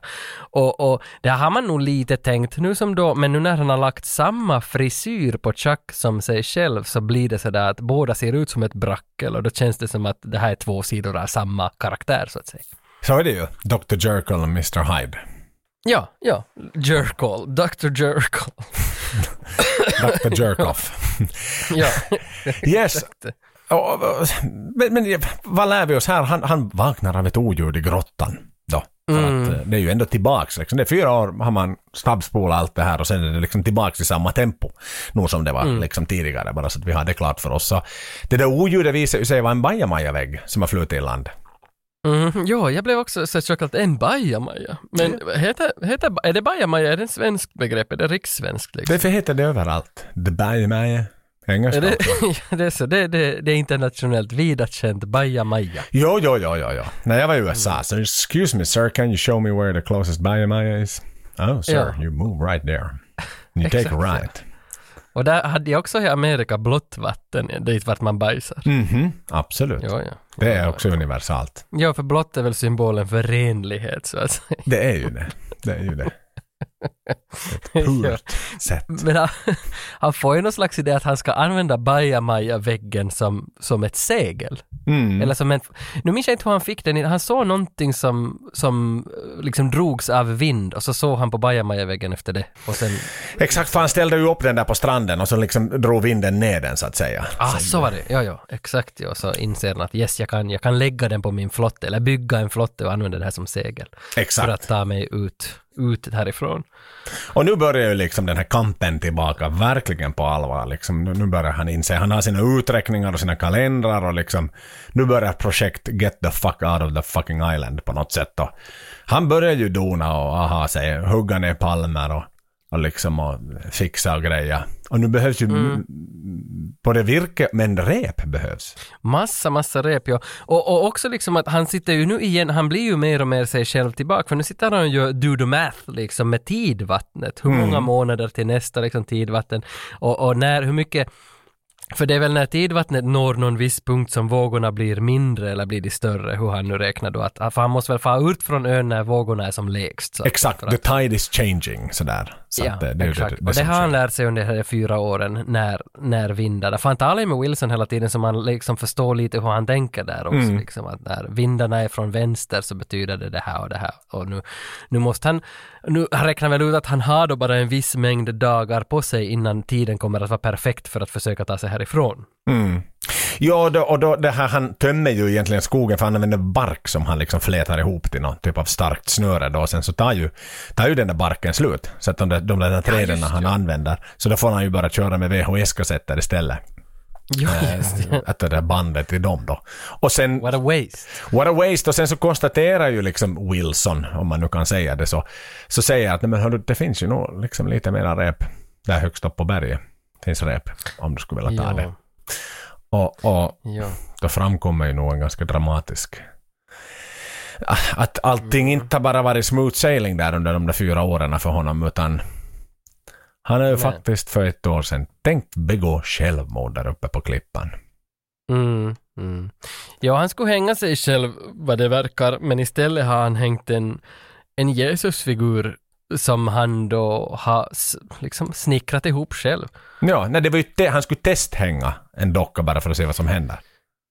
sant ju, sant ju, jo, jo, jo, för det här framkommer ju senare i filmen, vad, vad som hade försiggått. jo. Han, skulle, han, han snickrade en Jesusfigur som han skulle testhänga, men så gick det väl någonting fel och han höll på att ramla själv ner, eller hur det att han skulle ha dött då han ramlade mot stenarna eller blivit halvförlamad och lämnat där och dö i hunger, eller vad nu han förklarar åt Wilson. Exakt ja. Det- Och det är då han blir jätteupprörd på sin vän och sparkar ut honom från grottan.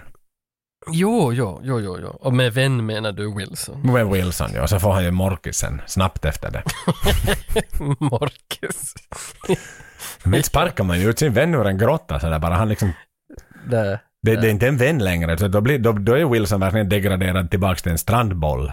Liksom, och Mm. har inget värde för honom. Men, men sen så Mm. kommer han, konstaterar han att inte var det ju något riktigt bra det där inte. Nej, men han hittar ju Wilson och de förenas igen. Ja. Att det, var, det var inte långt han hann flyta. Nej.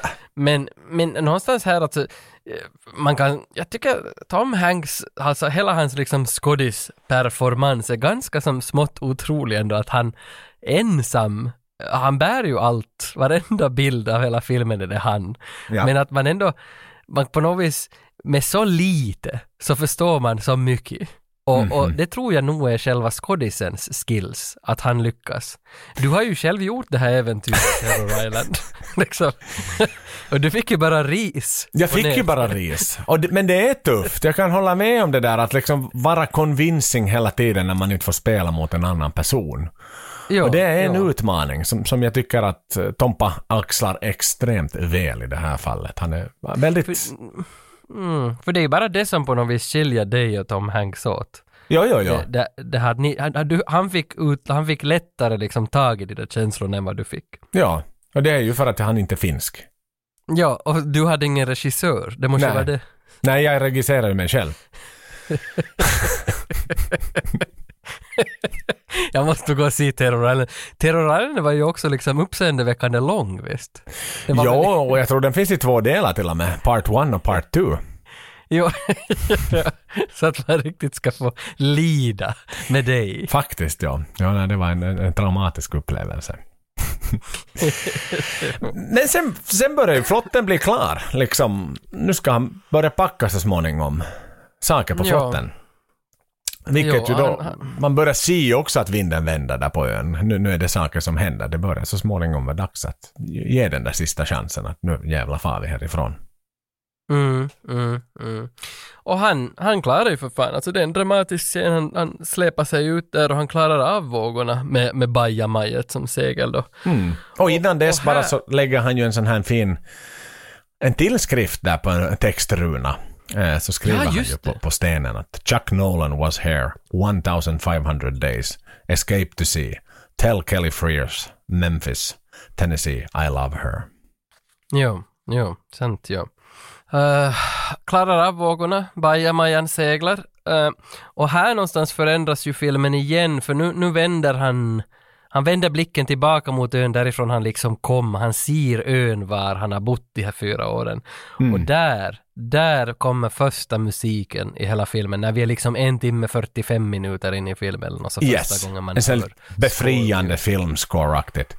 Och han är då, så, men han, det är ju den där mikrosekunden. Han lyfter det där seglet i helt rätt tid och liksom just kommer ut. En tanke bara där som slog mig Tage att han, om man nu har varit på den där ön i 1500 dagar, Mm. varför får han inte bara ut från eh, andra sidan ön till sjöss?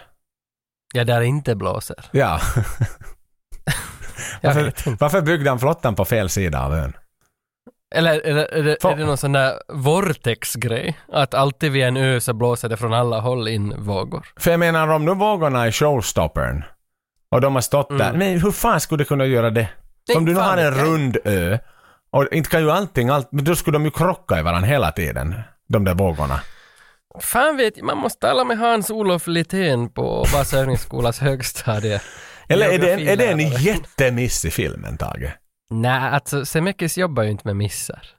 Men är det inte också så att helikoptrar lyfter alltid i motvind? Vad pratar du om för skit? nej men, nej men vet du, helikoptrar måste lyfta i motvind, för där lyfter de bäst. Och han måste segla ut i motvind. Därför har han valt sidan där det blåser motvind, för att då får han bättre fart över vågorna. Jo, jo, men enda poängen med det där jävla seglet var ju bara att den skulle ta honom över de där stora vågbarriären. Det var ju det enda kanske- syftet med det. Sen, är han ju, sen har han ju åror och skit som han ändå ror med. Liksom att han använder ju inte liksom ute till havs som ett liksom drivsätt för att ta flotten Nej, snabbare nej, fram. nej, Utan det var enda syfte var att ta sig förbi de där stora vågorna som är där längst ut som man aldrig tidigare har kommit ut från. Men det är tam, jag tar gift på det där, inte kan det nu blåsa in från alla håll. Liksom så att, no, men då flyttar han till den där ena satanskanten av, av ön och så hoppar han på där.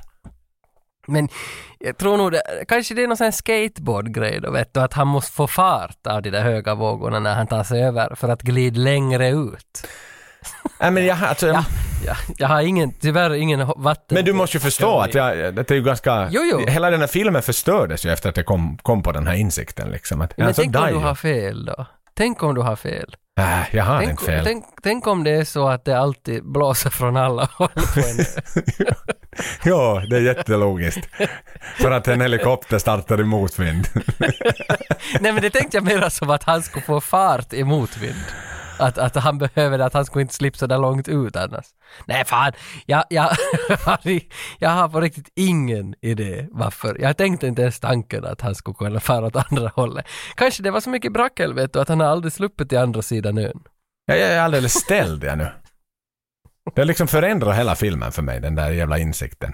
Kanske vi måste bara, ja. Vi måste acceptera det och gå vidare. Ja, jag tror vi måste göra det. Musiken har börjat och det har blivit natt igen. Musiken är så vacker. Men, men han träffar ju då en val. Ja. u- ute i havet. En, en sån här jättepinsam CGI-val. Jo, jo, en presidentval. öga på. Mm, exakt. och, och jag grubblar ju nog länge över den där jävla valen eftersom Semekis inte jobbar med fel. Eh, hela jävla C- alltså CGI-skalan på Castaway är ju enorm. Alltså här finns ju massa dataeffekter. Mm. Och, och du märker inte någon av dem i princip ännu 2022 för de är så bra gjorda. Klart att du ser när han högst upp på berget så ser du att det är något konstigt med, med periferin och havet och sådär. Men då du såg den på bio, du visste ju inte att Ja, då ser man ju nog att det är trickfilmat. ett trickfilmat precis. Han är ju, han är ju i princip bara vid en green screen hela tiden när de ska se bakgrunden. Mycket av filmen lär ha varit också inspelat bredvid en motorväg så att de liksom har tagit bort motorvägen från och lagat istället hav dit. Alltså, att det finns allt möjligt sånt där och därför så funderar man varför är valen så jävla dålig? Ö, Och det, det, det kommer framkomma på nätet att, att valen är dålig på grund av att den ska fucking vara dålig. För att Tom Hanks, du ska inte veta som tittare om valen är påhittad av Tom Hanks eller om valen finns där på riktigt. Att, att det ska vara i hans huvud den här valen. För jag kollade upp lite biologi, att vad står valen för? Alltså vad är, vad är, vad är valens symbolik? Och valens symbolik, om du har den som spirit animal, så är att den står för transformation och den står för skydd. Så om det i Toms huvud en val som ett spirit animal och att den står för transformation är för att han nu förändrar sig själv då han kommer ut på havet varpå liksom Wilson blir obsolet och därför Wilson sen eh, liksom guppar iväg på vågorna och där, i nästa scen då så fly, flyter Wilson iväg för att Tom måste bli sig själv. He's transforming to himself again. Och, och, och, och det här är nog en klart långsökt teori, men kanske inte ändå så långsökt. Att, det, att valen, ska, valen är en symbol bara liksom. Ja, för den tittar ju och betraktar ju verkligen honom. Jo, och då är också valen som väcker honom sen när, när han ska räddas ur havet, så det är valens det här Ja, är sprutande det samma val? För jag menar, det är så satans mycket valar där hela tiden. Ja, ja, det är alltid samma val enligt internet. Okej, ja, ja, ja. Den är hans kompis. Ja, och, eller, eller så är den bara i hans huvud och att det är bara en symbol för att han håller på att transform to, to his old self again och ska ta tillbaka till livet så att säga. Nej, och nej. jag tror nog på den där teorin för att Zemeckis har gjort tidigare massa bra saker och han gör än fortfarande halvbra saker men att 90-talet och 2000-talet att han är vad gör mästare. Och inte fan, därför tänker jag också att han har gjort valens CGI-effekt så jättedålig. För nu hade han ju pengar att råda dit en riktig val, vad fan. Nu har man ju fan haft riktiga valar tidigare med i film då. Ja, ja, ja, Free Willy, herregud. Jo, jo, så jag tror nog mycket på den där teorin att han har gjort en skit CGI och därför är det så fult när valen öppnar sitt öga och blinkar åt dem. Det är sant, det är hans huvud. det måste vara i hans huvud, det måste vara en symbol för, för, för, för att this, this guy gives protection. Han har Nej, val runt sig. Ja, för det är ju, honom från hajar. för någonstans precis som du är inne på, jag menar det är ju, valen väcker ju honom, för det blir storm sen då. Eh, Och då lossnar den och bajamaja-väggen och den går ganska sönder den där eh, själva flotten han är på. Då far ju Wilson iväg på en egen seglats liksom och, när han sover. Men då är det ju valen som väcker honom och då märker han ju ändå liksom och då kommer vi kanske in till filmens det här andra djupa ögonblick. Men nu har det första djupa ögonblicket när han, det framkommer att han skulle ta självmord ett år innan. Och nu är det ju verkligen det här liksom när Chuck har en separationsångest från sin boll. I det här Eller fallet. från sig själv då i, sig. i det här fallet sig själv ifall vi ska tänka att Wilson är han själv. Exakt, exakt. Så att, eh, så att han ser liksom, eh, han, och då ser han ju Wilson, han flyter ju inte allt så långt ifrån flotten. Men, men den här bördan att både få med sig själv och flotten, för han kan ju inte lämna flotten för att fiska upp sin, sin gamla vän, den bördan är alldeles för tung. Och nu är ju Chuck verkligen ensam, alldeles, alldeles ensam. Helt ensam. Han har aldrig varit så ensam tidigare. Nej, nej, för det där måste också vara någon slags symbol för att nu förlorar han hoppet. Ja, För definitivt. Han förlorar Wilson och förlorar sig själv, förlorar hoppet. Och i nästa bild direkt efter så kastar han ju årorna i havet också. Jo, jo, jo, jo, han ger ju upp. Han bör, alltså, mörka tankar börjar komma här. Alltså, han skickar iväg dem precis. Eh, Det, det är ett sign att nu orkar han inte riktigt mera med det här. Sen somnar han. Och en, och en val väcker honom då än en gång, den här fiktiva valen. Mm. Så det är ju havets väckarklocka. Tick-tack, tick-tack, tick-tack. Jo, jo, så måste det ju vara att nu, jo, jo, precis. Just att det är liksom på riktigt en väckarklocka som det ska symbolisera. Ja, för För den väcker ju honom vara- vid strategiska tidpunkter. När Wilson försvinner, när båten Mm. kommer, valen är alltid där. Det är en väckarklocka. Mm. Tid, Tage. Tid. Tiden, tiden. Och han har farit ut med tidvattnet också. Ja. Och vad händer nu Tage? Nu är en stor motherfucking lastbåt seglar förbi Chuck. Jo, där får man de här, alltså både Captain Phillips vibes och Japp. också liksom så Alltså det är så vackert för vi har en närbild på Tom Hanks ansikte och bakom kommer en kontrast liksom, världens största liksom motor eller liksom det här en industri rör sig bakom honom. Han har varit Mm. och hela tiden bara tampats med, med liksom väder och, och naturens regler. Men nu kommer ett jävla handmade skepp bakom honom. Och det som är ganska coolt är att liksom, det är ju inte som att han, vet du, när det hans första gången så, så den här lastbåten med den här lampan, alltså typ, och dag tre, och när han sprang och f- fifflade med den där ficklampan. Nu är han, alltså det tar ju länge, han bara ligger där på flotten liksom och noterar ju nå- något ljud från motorer och sådär. Att han är ju inte som på att ståna direkt och liksom rädda mig, rädda mig, rädda mig. Och det har ju just Nej. att göra med att han har gett upp, att han är väl sådär, Nå, fuck it, Taiwan samma om det nu seglar förbi mig här liksom att, Precis. att han är inte sådär super på hugget och nej, nej, nej, för han har, han har ju kastat in, han har ju stämplat ut så att säga redan Ja. för flera timmar sedan. Mm. Exakt, så att det var nästan sådär. Nåja, Aivan samma om jag blir räddad eller inte. Precis. Det är nog som, det är char- charmigt. Movie making alltså. Det är nog bra, bra skapat. Faktiskt. Sen klipper de väl till att telefonen ringer hemma hos Kelly Frears, hans fru då. Jepp. Och hon svarar och svimmar direkt. Och vi inser att vad hon har fått veta och det var därför hon svimmar. För hon kunde fan inte tro att det här är sant. Och vi lär oss samtidigt att hon har gått vidare i livet. Hon har en man Jo. och ett litet barn. Och båda ser väldigt förvånade ut när hon svimmar. Och eh, så kommer det igen, nu är det inte four years later utan nu är det four weeks later. Mhm. Jag tänkte inte ens på det, jag använder fyran som en berättarteknik. Men varför är det fyra, alltså varför tar det fyra veckor från lastbåten att han är på väg hem till Memphis igen? Ja, jag vet inte, men kanske han har vet varit på någon klinik i Malaysia vet du, ganska länge och det var långa vårdköer och ja, vet. han var inte alls prioriterad liksom. nej, nej, alltså vem vet och han kanske måste få sån här som man får i Sverige efter, nå, efter, efter det har hänt någon olycka på en publik plats i Sverige så öppnar det ju alltid några sådana instanser dit man får ringa. Vad, vad, vad, vad det nu heter. Vad pratar du om? Stelkrampssprutor? nej, nej, nej men alltså när det har hänt Alltid när det händer något i Sverige får alla stelkrampssprutor. Men Sverige öppnar väl alltid några sådana traumacentraler dit man kan ringa ifall det har hänt någonting stort. Och, och, Gör man- och, och, Nu gör man väl han överallt. I Finland då? Eller i Finland är det nu vittu. Aivan samma. I Finland biter man ju ihop allt. Ja, ja. Det Det, man hanterar det helt enkelt. Exakt. Nåja, men fyra, fyra veckor tog- tog det i alla fall. Och han, han får Dr. Pepper och två glas is på flygen. Ja, och det är väl, vilken film är det han dricker Dr. Pepper? Det är Forrest Gump. Det, är- Mhm. det är någon sån där mer, märklig grej och sen så står det två, han åker ju ett FedEx-plan nu då fyra veckor senare, sitter i kostym och åker. På bordet framför honom står två FedEx kaffekoppar som är satta i en sån ordning att det står inte FedEx utan det står ex-Fed, för han är liksom en ex-arbetare på FedEx då. Ah, Så det, ja, det här är nog vassa ögon på internet som har upp, uppmärksammat det där. Och det stämmer ju säkert, de har ju satt dem den ordning att det ska stå X-Fed för att man ska hitta där lite roligt där då. Exakt, exakt. Och de går igenom arrangemangen med sin gamla kollega då. Vad som händer när de landar. Jo.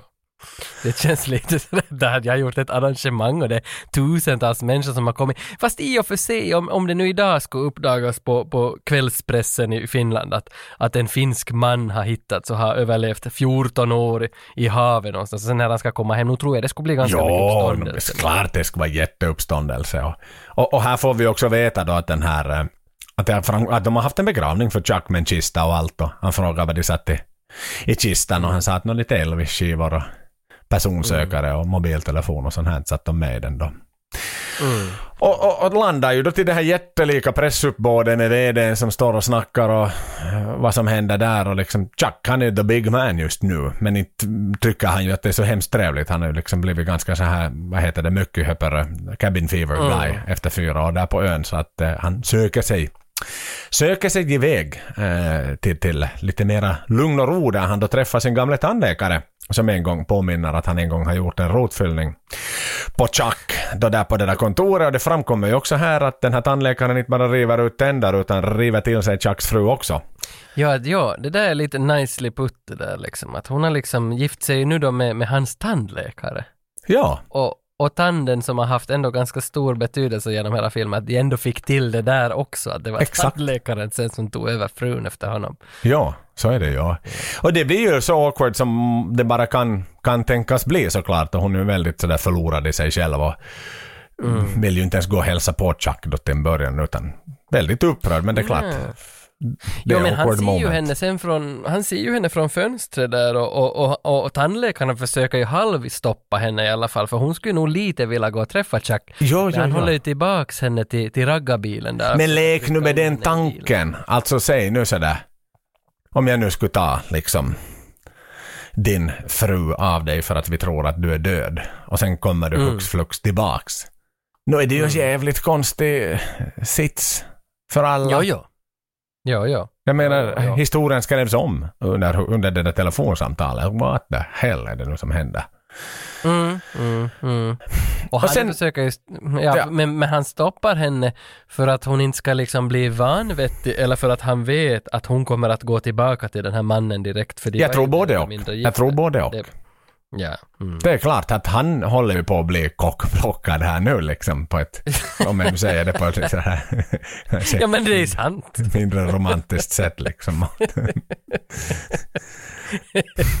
Det här är en film om kockblock. Exakt ja. Två gånger det har hänt hittills. En film om kokosnötter och Men nu tror, kockblocking. nu tror jag hela den där ön också kockblockar Tom Hanks lite grann. Och, Ja. var han säkert så sugen där på lite självbefläckelse. Nej, nej, nej. Jag tror nog han, han den, den, den, det försvann nog från honom och sådär.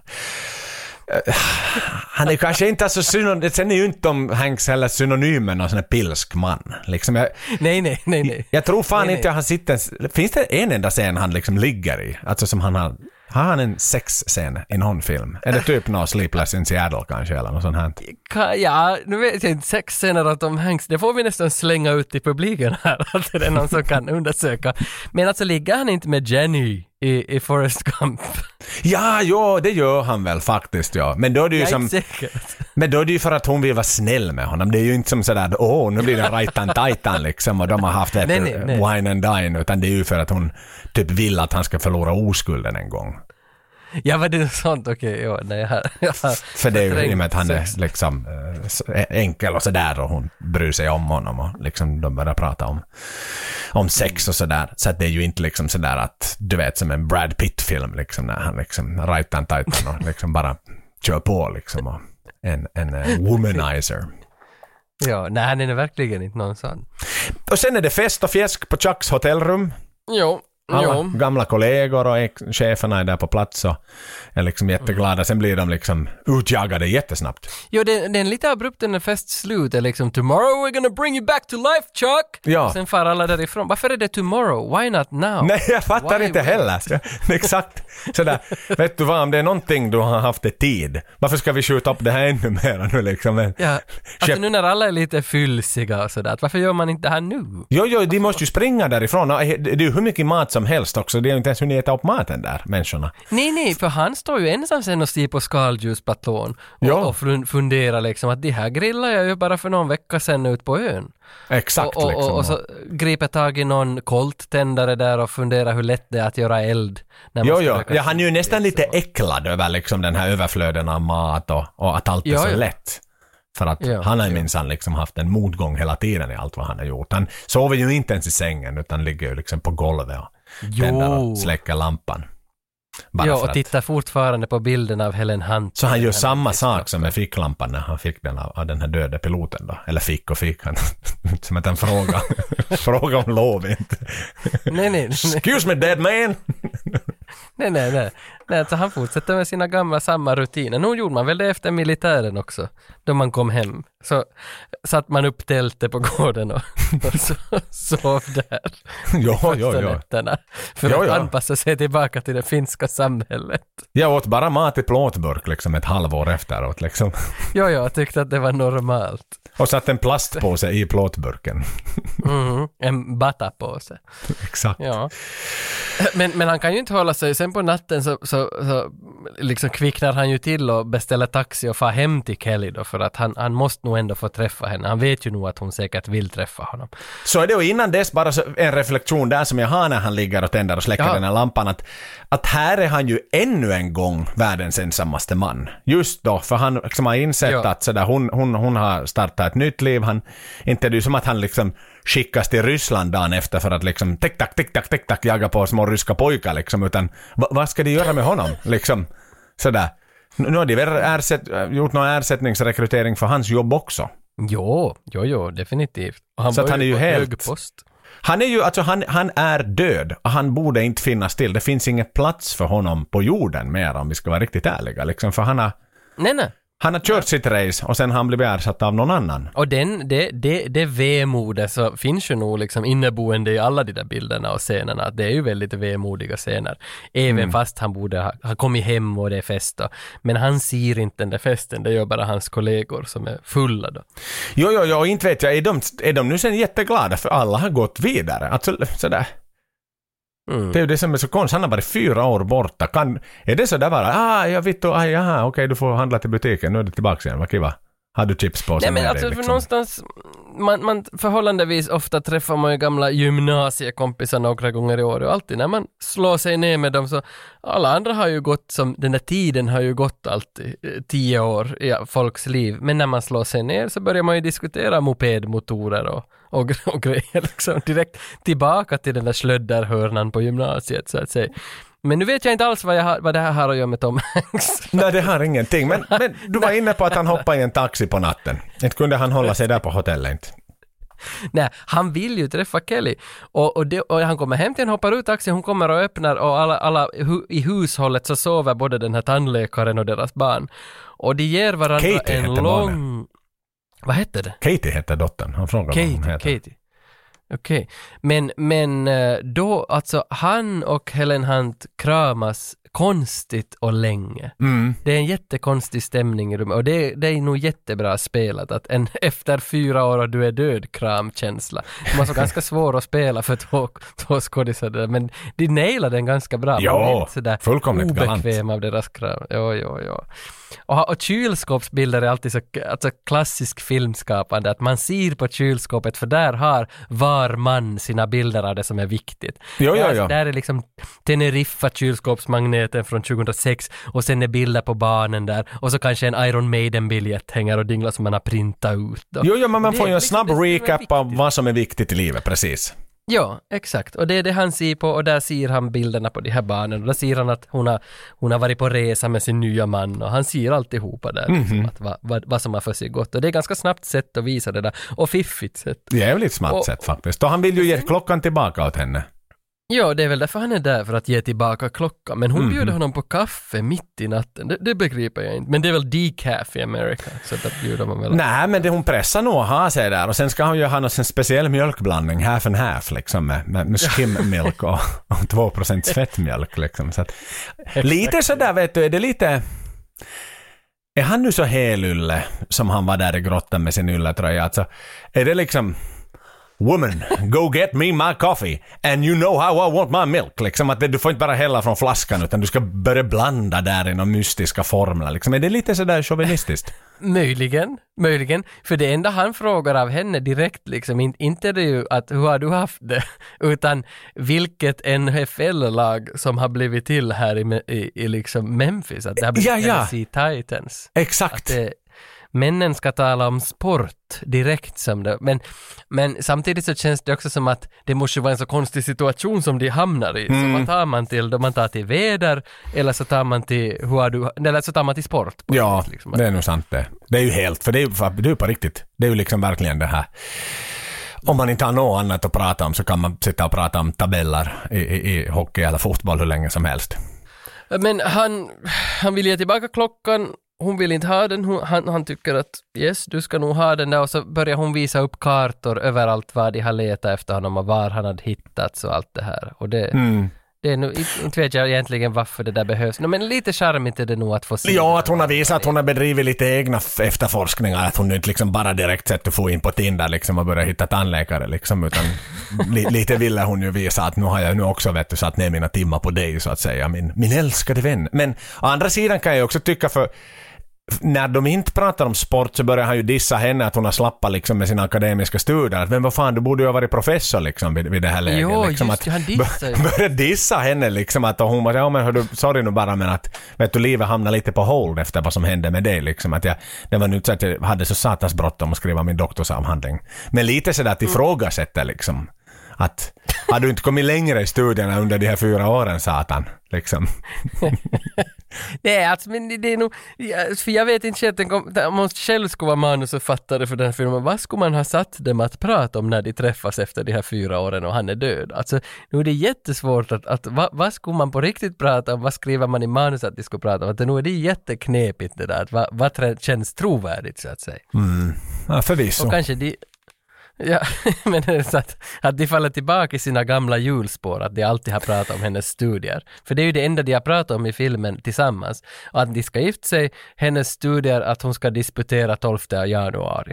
Ja. Så då måste de väl gå tillbaka till den disputationen då, att hur blev det med 12 januari? Jag dog ju. Att jag... Ja, för hon disputerar ju inte, men där är ju också en liten bom, för jag menar om du, om du disputerar så har du ju gjort färdigt din doktorsavhandling. Färdigt, det är ju bara det, Ah, du, ska, sant, du ska ju bara ja. disputera, det är ju som en studentdimension nästan. Du ska sitta och debattera den lite och, och opponera den och så vidare och sen har du en fest efter det. Så det är ju också, Du borde- liksom, hon borde ju vara klar egentligen. Därför hon borde vara professor vid nuläget så att säga. Det var ju fyra år som har gått och sådär. Som han ju Du borde gå in på IMDB och notera det här på sidan där att “What's wrong with the disputation of the professor?” Så, har du en solid point där som folk kommer att lajka. Exakt, exakt. Nej men det är frid och fröjd egentligen och han får veta att bilen finns kvar. Jo, samma bil som de hade och så påminner hon ju om att det var ju här vi knullade mycket.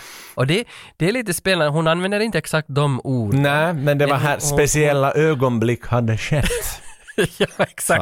Exakt. Och så tittar de på varandra, ändå med lite, lite sådär kåtska i blicken för att han, han vill ju nog till sin fru. Jo, jo, han har ju inget att förlora, Chuck inte. Nej, nej, nej, nej. Och då när hon liksom vinkar honom liksom att det här var ju den här bilen. Mm. För det vet nog alla par. De flesta par liksom har ju idkat samlag i en bil. Mm. Och det där, det där är universellt tror jag. Ja, men den är ju ett, du, du, du är ett litet kupéutrymme och du kan åka vart du vill så att säga. Så det är ju ganska passande liten, Exakt. En liten plats. Skräckfilmsmiljö, folk har alltid sex i bilen när Jason kommer. Jo, jo, jo, jag menar den Och mest... Då menar jag inte att han kommer sexuellt utan han kommer på besök till bil. Exakt. Och den mest kända bilsexscenen är ju förklar, såklart i Titanic. Ja, exakt. Det är ju också en bilsex. Så nu är det ju, Titanic kom ju ut bara några år innan den här. Så det är helt, helt, de spelar nog på sex. här. Jo, jo, ja, det är ju det de gör.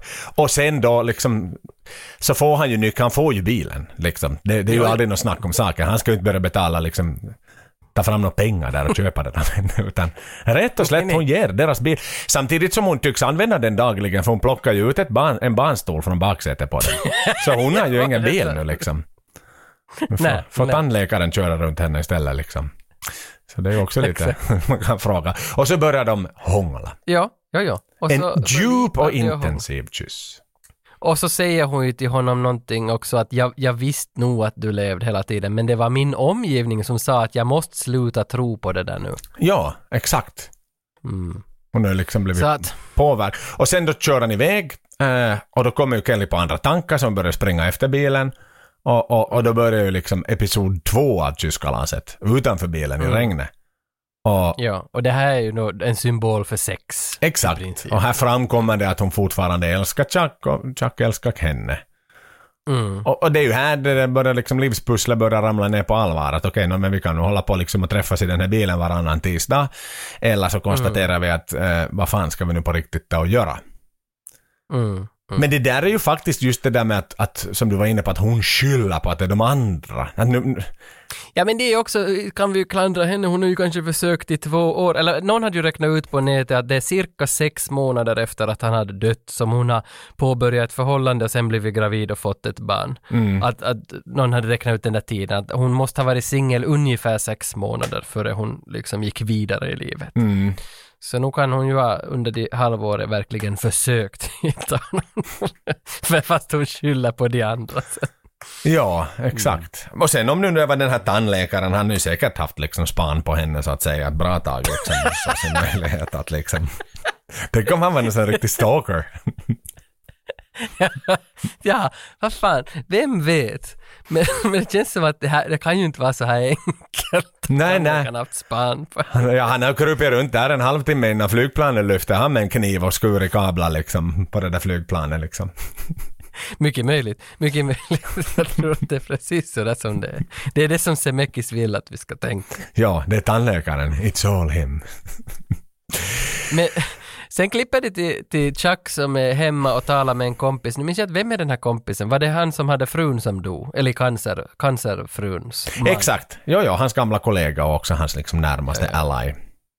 Och åt honom berättar han om det här att han skulle hänga sig på ön men misslyckades. Jo, för han sa att det var det enda han kunde kontrollera. Han kunde inte kontrollera någonting, men sin egen död, det skulle han i alla fall kunna kontrollera. Och att han nu är liksom förbannad att han har tappat bort sin fru men att hon var ändå med honom varje dag på ön men när han kom hem så var hon inte med honom mera. Men att han, han måste fortsätta andas så att säga och det var hon som klarade av att ge honom den kraften. Exakt. Och då det mera, mera poäng lite liksom åt honom att vi ska tycka illa om den här frun och att hon har gift om sig. Mm. Att det är väl den där mansdominansen som ska fram här på slutet. Att det är ju ändå fucking Tom Hanks, vet du, vem lämnar honom? Nej, nej, nej, ja, ja, ja, ja, det är ju så. Men det var ju liksom ändå hon som var hans awakening, så att han skulle hålla sig i liv. Men han är ensam och han är så jävla ensam. Det är liksom, du, du kommer inte ifrån den här ensamheten. Nej, nej. Sen så tar han väl då, sista scenen är att han tar sitt det här FedEx-paketet då som ska till Dick och Bettina. Mhm. Och kör tillbaka, lägger iväg med tandläkarens bil, eller hans egen bil som han fick tillbaka från tandläkaren. Lyssnar på Elvis igen, lägger iväg med paketet mot mot den här byn då i Texas som vi såg helt först i början, samma jävla korsning. Uh, han kommer hem till Dick och Bettina och då ser man där högst upp på det här smidesverket att Bettina har plockat ner namnet Dick därifrån. Ja, Det står bara Be- Bettina på skylten. exakt. Det gillar man ju nog att liksom en, en nudge back there liksom två och en halv timme senare så, så minns vi att Dick hade, hade varit och vänstra med någon rysk, rysk ungtupp där. Så, så nu fick inte han vara med något mera i smidesverket. Den fick inte komma hem något mera inte. nej, nej, nej. Och då är det lite, det är lite synd sen just när att hon inte är hemma. Jag skulle så ha velat att hon skulle ha varit hemma och han skulle ha fått berätta storyn och de skulle ha liksom blivit tillsammans där Mm. istället med Bettina då. Tom och Bettina skulle blivit ett par. Ja, Chuck och Bettina. Ja, ja, men så var det inte, utan hon var inte hemma. Lite sådär antiklimax. Så han lämnade en lapp. Ja, och det var väl också ett tjänstefel, var det inte? Det var ett tjänstefel, ja, för du, han fick inte den här signaturen av henne. Nej, precis. Men, men igen här, alltså det där jävla paketet skulle inte till USA, det skulle till Malesien. Va- Varför i helvete? Return to sender?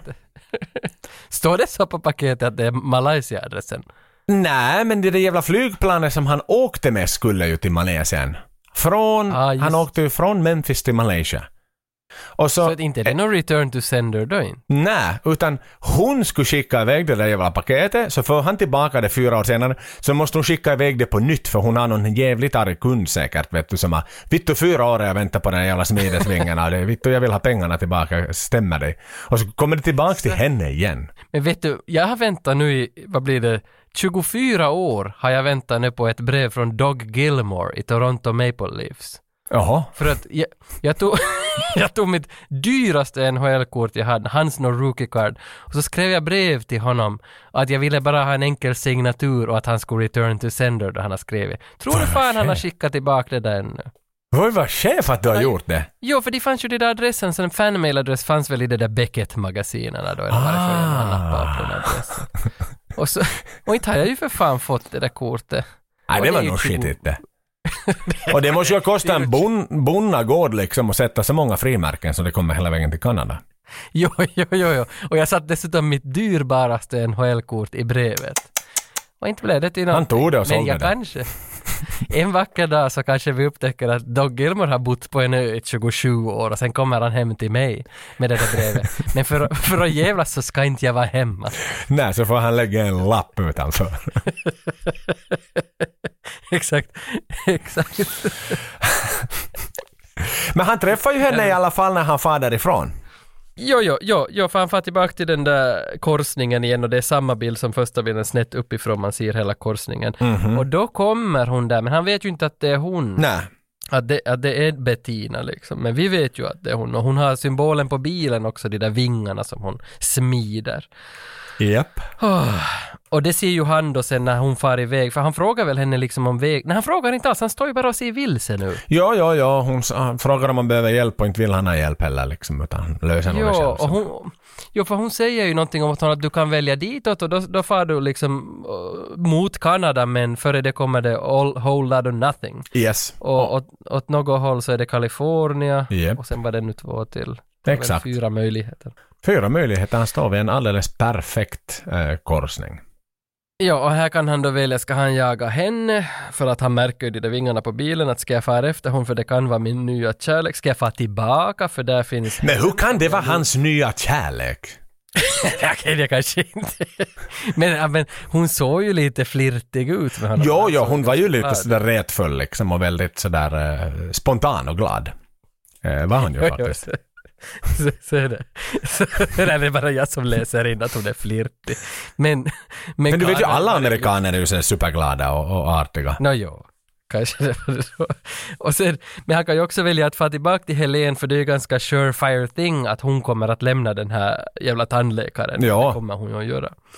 Men, men han står ju ändå bara där och, och det är där som filmen slutar, att vi inte får veta vad han gör för beslut.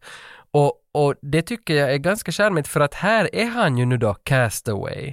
Mhm. Det är på något vis på nytt han blir castaway, för nu är han på en ny start där han måste ta sig hem så att säga Yes. att han blir castaway på nytt. Och- Eller så är det bara jag som tycker Nej, det. nej, nej, det är till hundra procent. Nej, men det är ju inte bara bildligt han står vid ett vägskäl, utan också i Nej. livet. Det är här, jag menar inte, det är ju som att han ska vara på jobb om, om, om vet, måndag morgon klockan åtta liksom. Nej. Han har ju säkert, eh, jag vet inte hur försörjer han sig? Får han någon sån insurance money och liksom något sånt här? Han får säkert från Fedex lite pengar i månaden för att, för att de sabbar hans liv. Ja, ja, ja, Mis, säkert. sånt. misstänker jag nog. Så att han kan ju göra vad fan han vill. Jo, jo, jo, jo, jag tror nog Fedex står för hans kostnader. Alltså har han ju en bil och bor på hotell. Det skulle vara kul med en Castaway 2, så man vet vad han gjorde. ja, men du ska akta vad du frågar efter för det kan bra hända att det dyker upp Ja, plötsligt. en riktigt shit Castaway 2.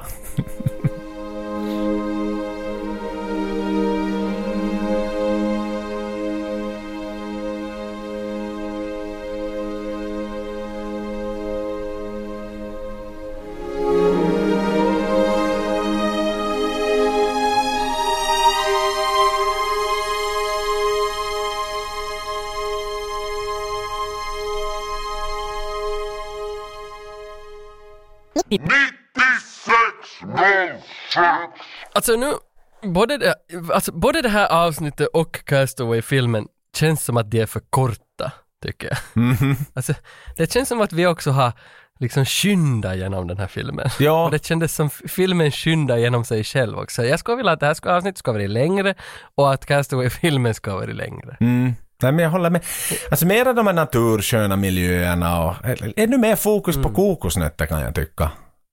Ja, för att de, de gör så mycket väsen av den jävla tandläkaren, att varför inte av en kokosnöt också mera liksom? För att jag tycker att de är likvärdiga till den här berättelsen på något vis. Jo, jo, jo, jag håller Och- med. Och han ger ju, det är det ett Men- sympatiskt intryck man får av den här tandläkaren inte. Nej, nej, nej, man ska kunna bygga lite på honom. Men jag tycker ändå liksom att Castaway, det har alltid varit i herrans många år så har det varit en av mina topp liksom 20. Jag har tyckt så mycket om den här filmen. Och, och nu när jag såg den på nytt så var jag sådär att första halva filmen så tyckte inte jag den var så bra. Men sen när slutet kom uh, så inser man så mycket. Och då Mm. var det sådär att okej, förlåt att jag tyckte sådär om början.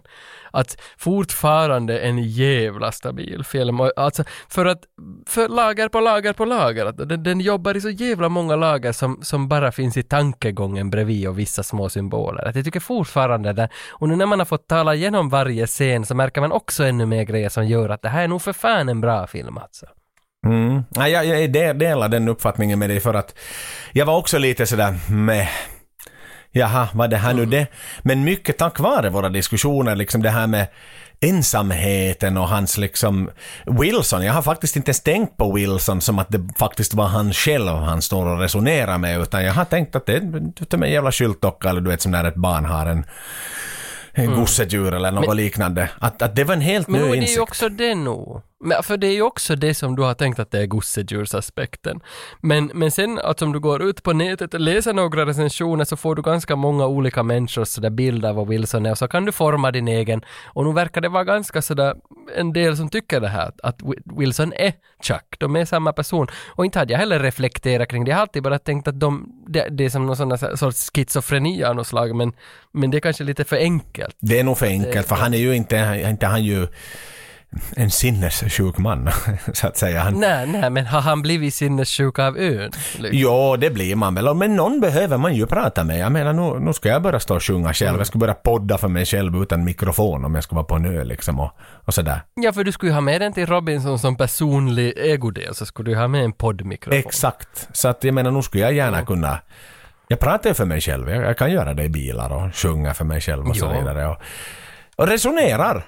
Och ofta är det ju sådär Ja. att tänker man högt så kanske man tänker bättre om man hör sina egna tankar på ett annat sätt. Ja, det tror jag. Jo, jo. Jag brukar nog eh, liksom också tala högt för mig själv i, i, på kontoret och i bilen. Mm, sen kan det vara jättenollot någon gång om någon kommer på en och sådär. jo, att spegla sig i en hiss. Men vad är, det, vad är din IMDB-ranking på den här då? Uh, nå, ja, du vill ha en sån där punkt någonting, eller komma någonting. Nu, nu, nu lägger jag den här skyhögt. Jag kanske fäller in den på en 8,6, Mhm. Snyggt. tror jag nog. Ja, jag tror nog. Ja, Mm. den, får, den får nog höga betyg från mitt håll. Ja, 8,2 bjussar jag på. Mm. Okej. Okej. Men liksom i en 1 till 5 så skulle jag nog gå, gå ut med en stark 4. Det skulle jag nog. Mm. Det, det är inte en femma för att ah, det känns som att, alltså som sagt, jag skulle vilja att den skulle vara längre. Så skulle jag kunna liksom Men vad är det du få, saknar få bol. i längd? Det känns som, jag, jag, saknar egentligen att få lära känna Chucks överlevnadsinstinkter mer. Mhm. Att jag skulle vilja vara mera på den där ön. Och sen att de skulle ha städat upp lite det här med Nikolaj och det där brevet till den här för, för, förrådda kvinnans man där i Ryssland. Att man skulle liksom städa upp lite där. Ja, men det är sant. De ska kunna... Skulle man kunna ha en spin-off på de här vad som hände under de här fyra åren? Ja, ja inte så dum idé. Castaway 2. Nej. Och sen så handlar det bara om medan hans skägg växer. Att vad händer det där? Men den kan ju göra att den blir lite smått tråkig. Men att då måste det ju handla mer om Helen Hunts liv. Mm, Att hennes letande efter sin man. See no land.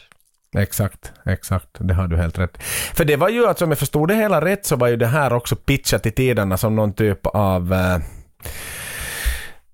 TV-serie. Att det skulle vara en, en, en, en eh, Aha. Att man ville göra någon sån här eh, type of television serie i tiderna. Som i sin tur då liksom eh, rann ut i, i tv-serien Lost. Aha, på det sättet. Ja, ja, ja. För att orsaken var jag läste att Tom Hanks hade någon orsak till varför han blev sugen att ge sig på det här ölivsfilm för att det fanns bara Gilligan's Island från 60-talet och så Robinson, Robinson Crusoe. Exakt.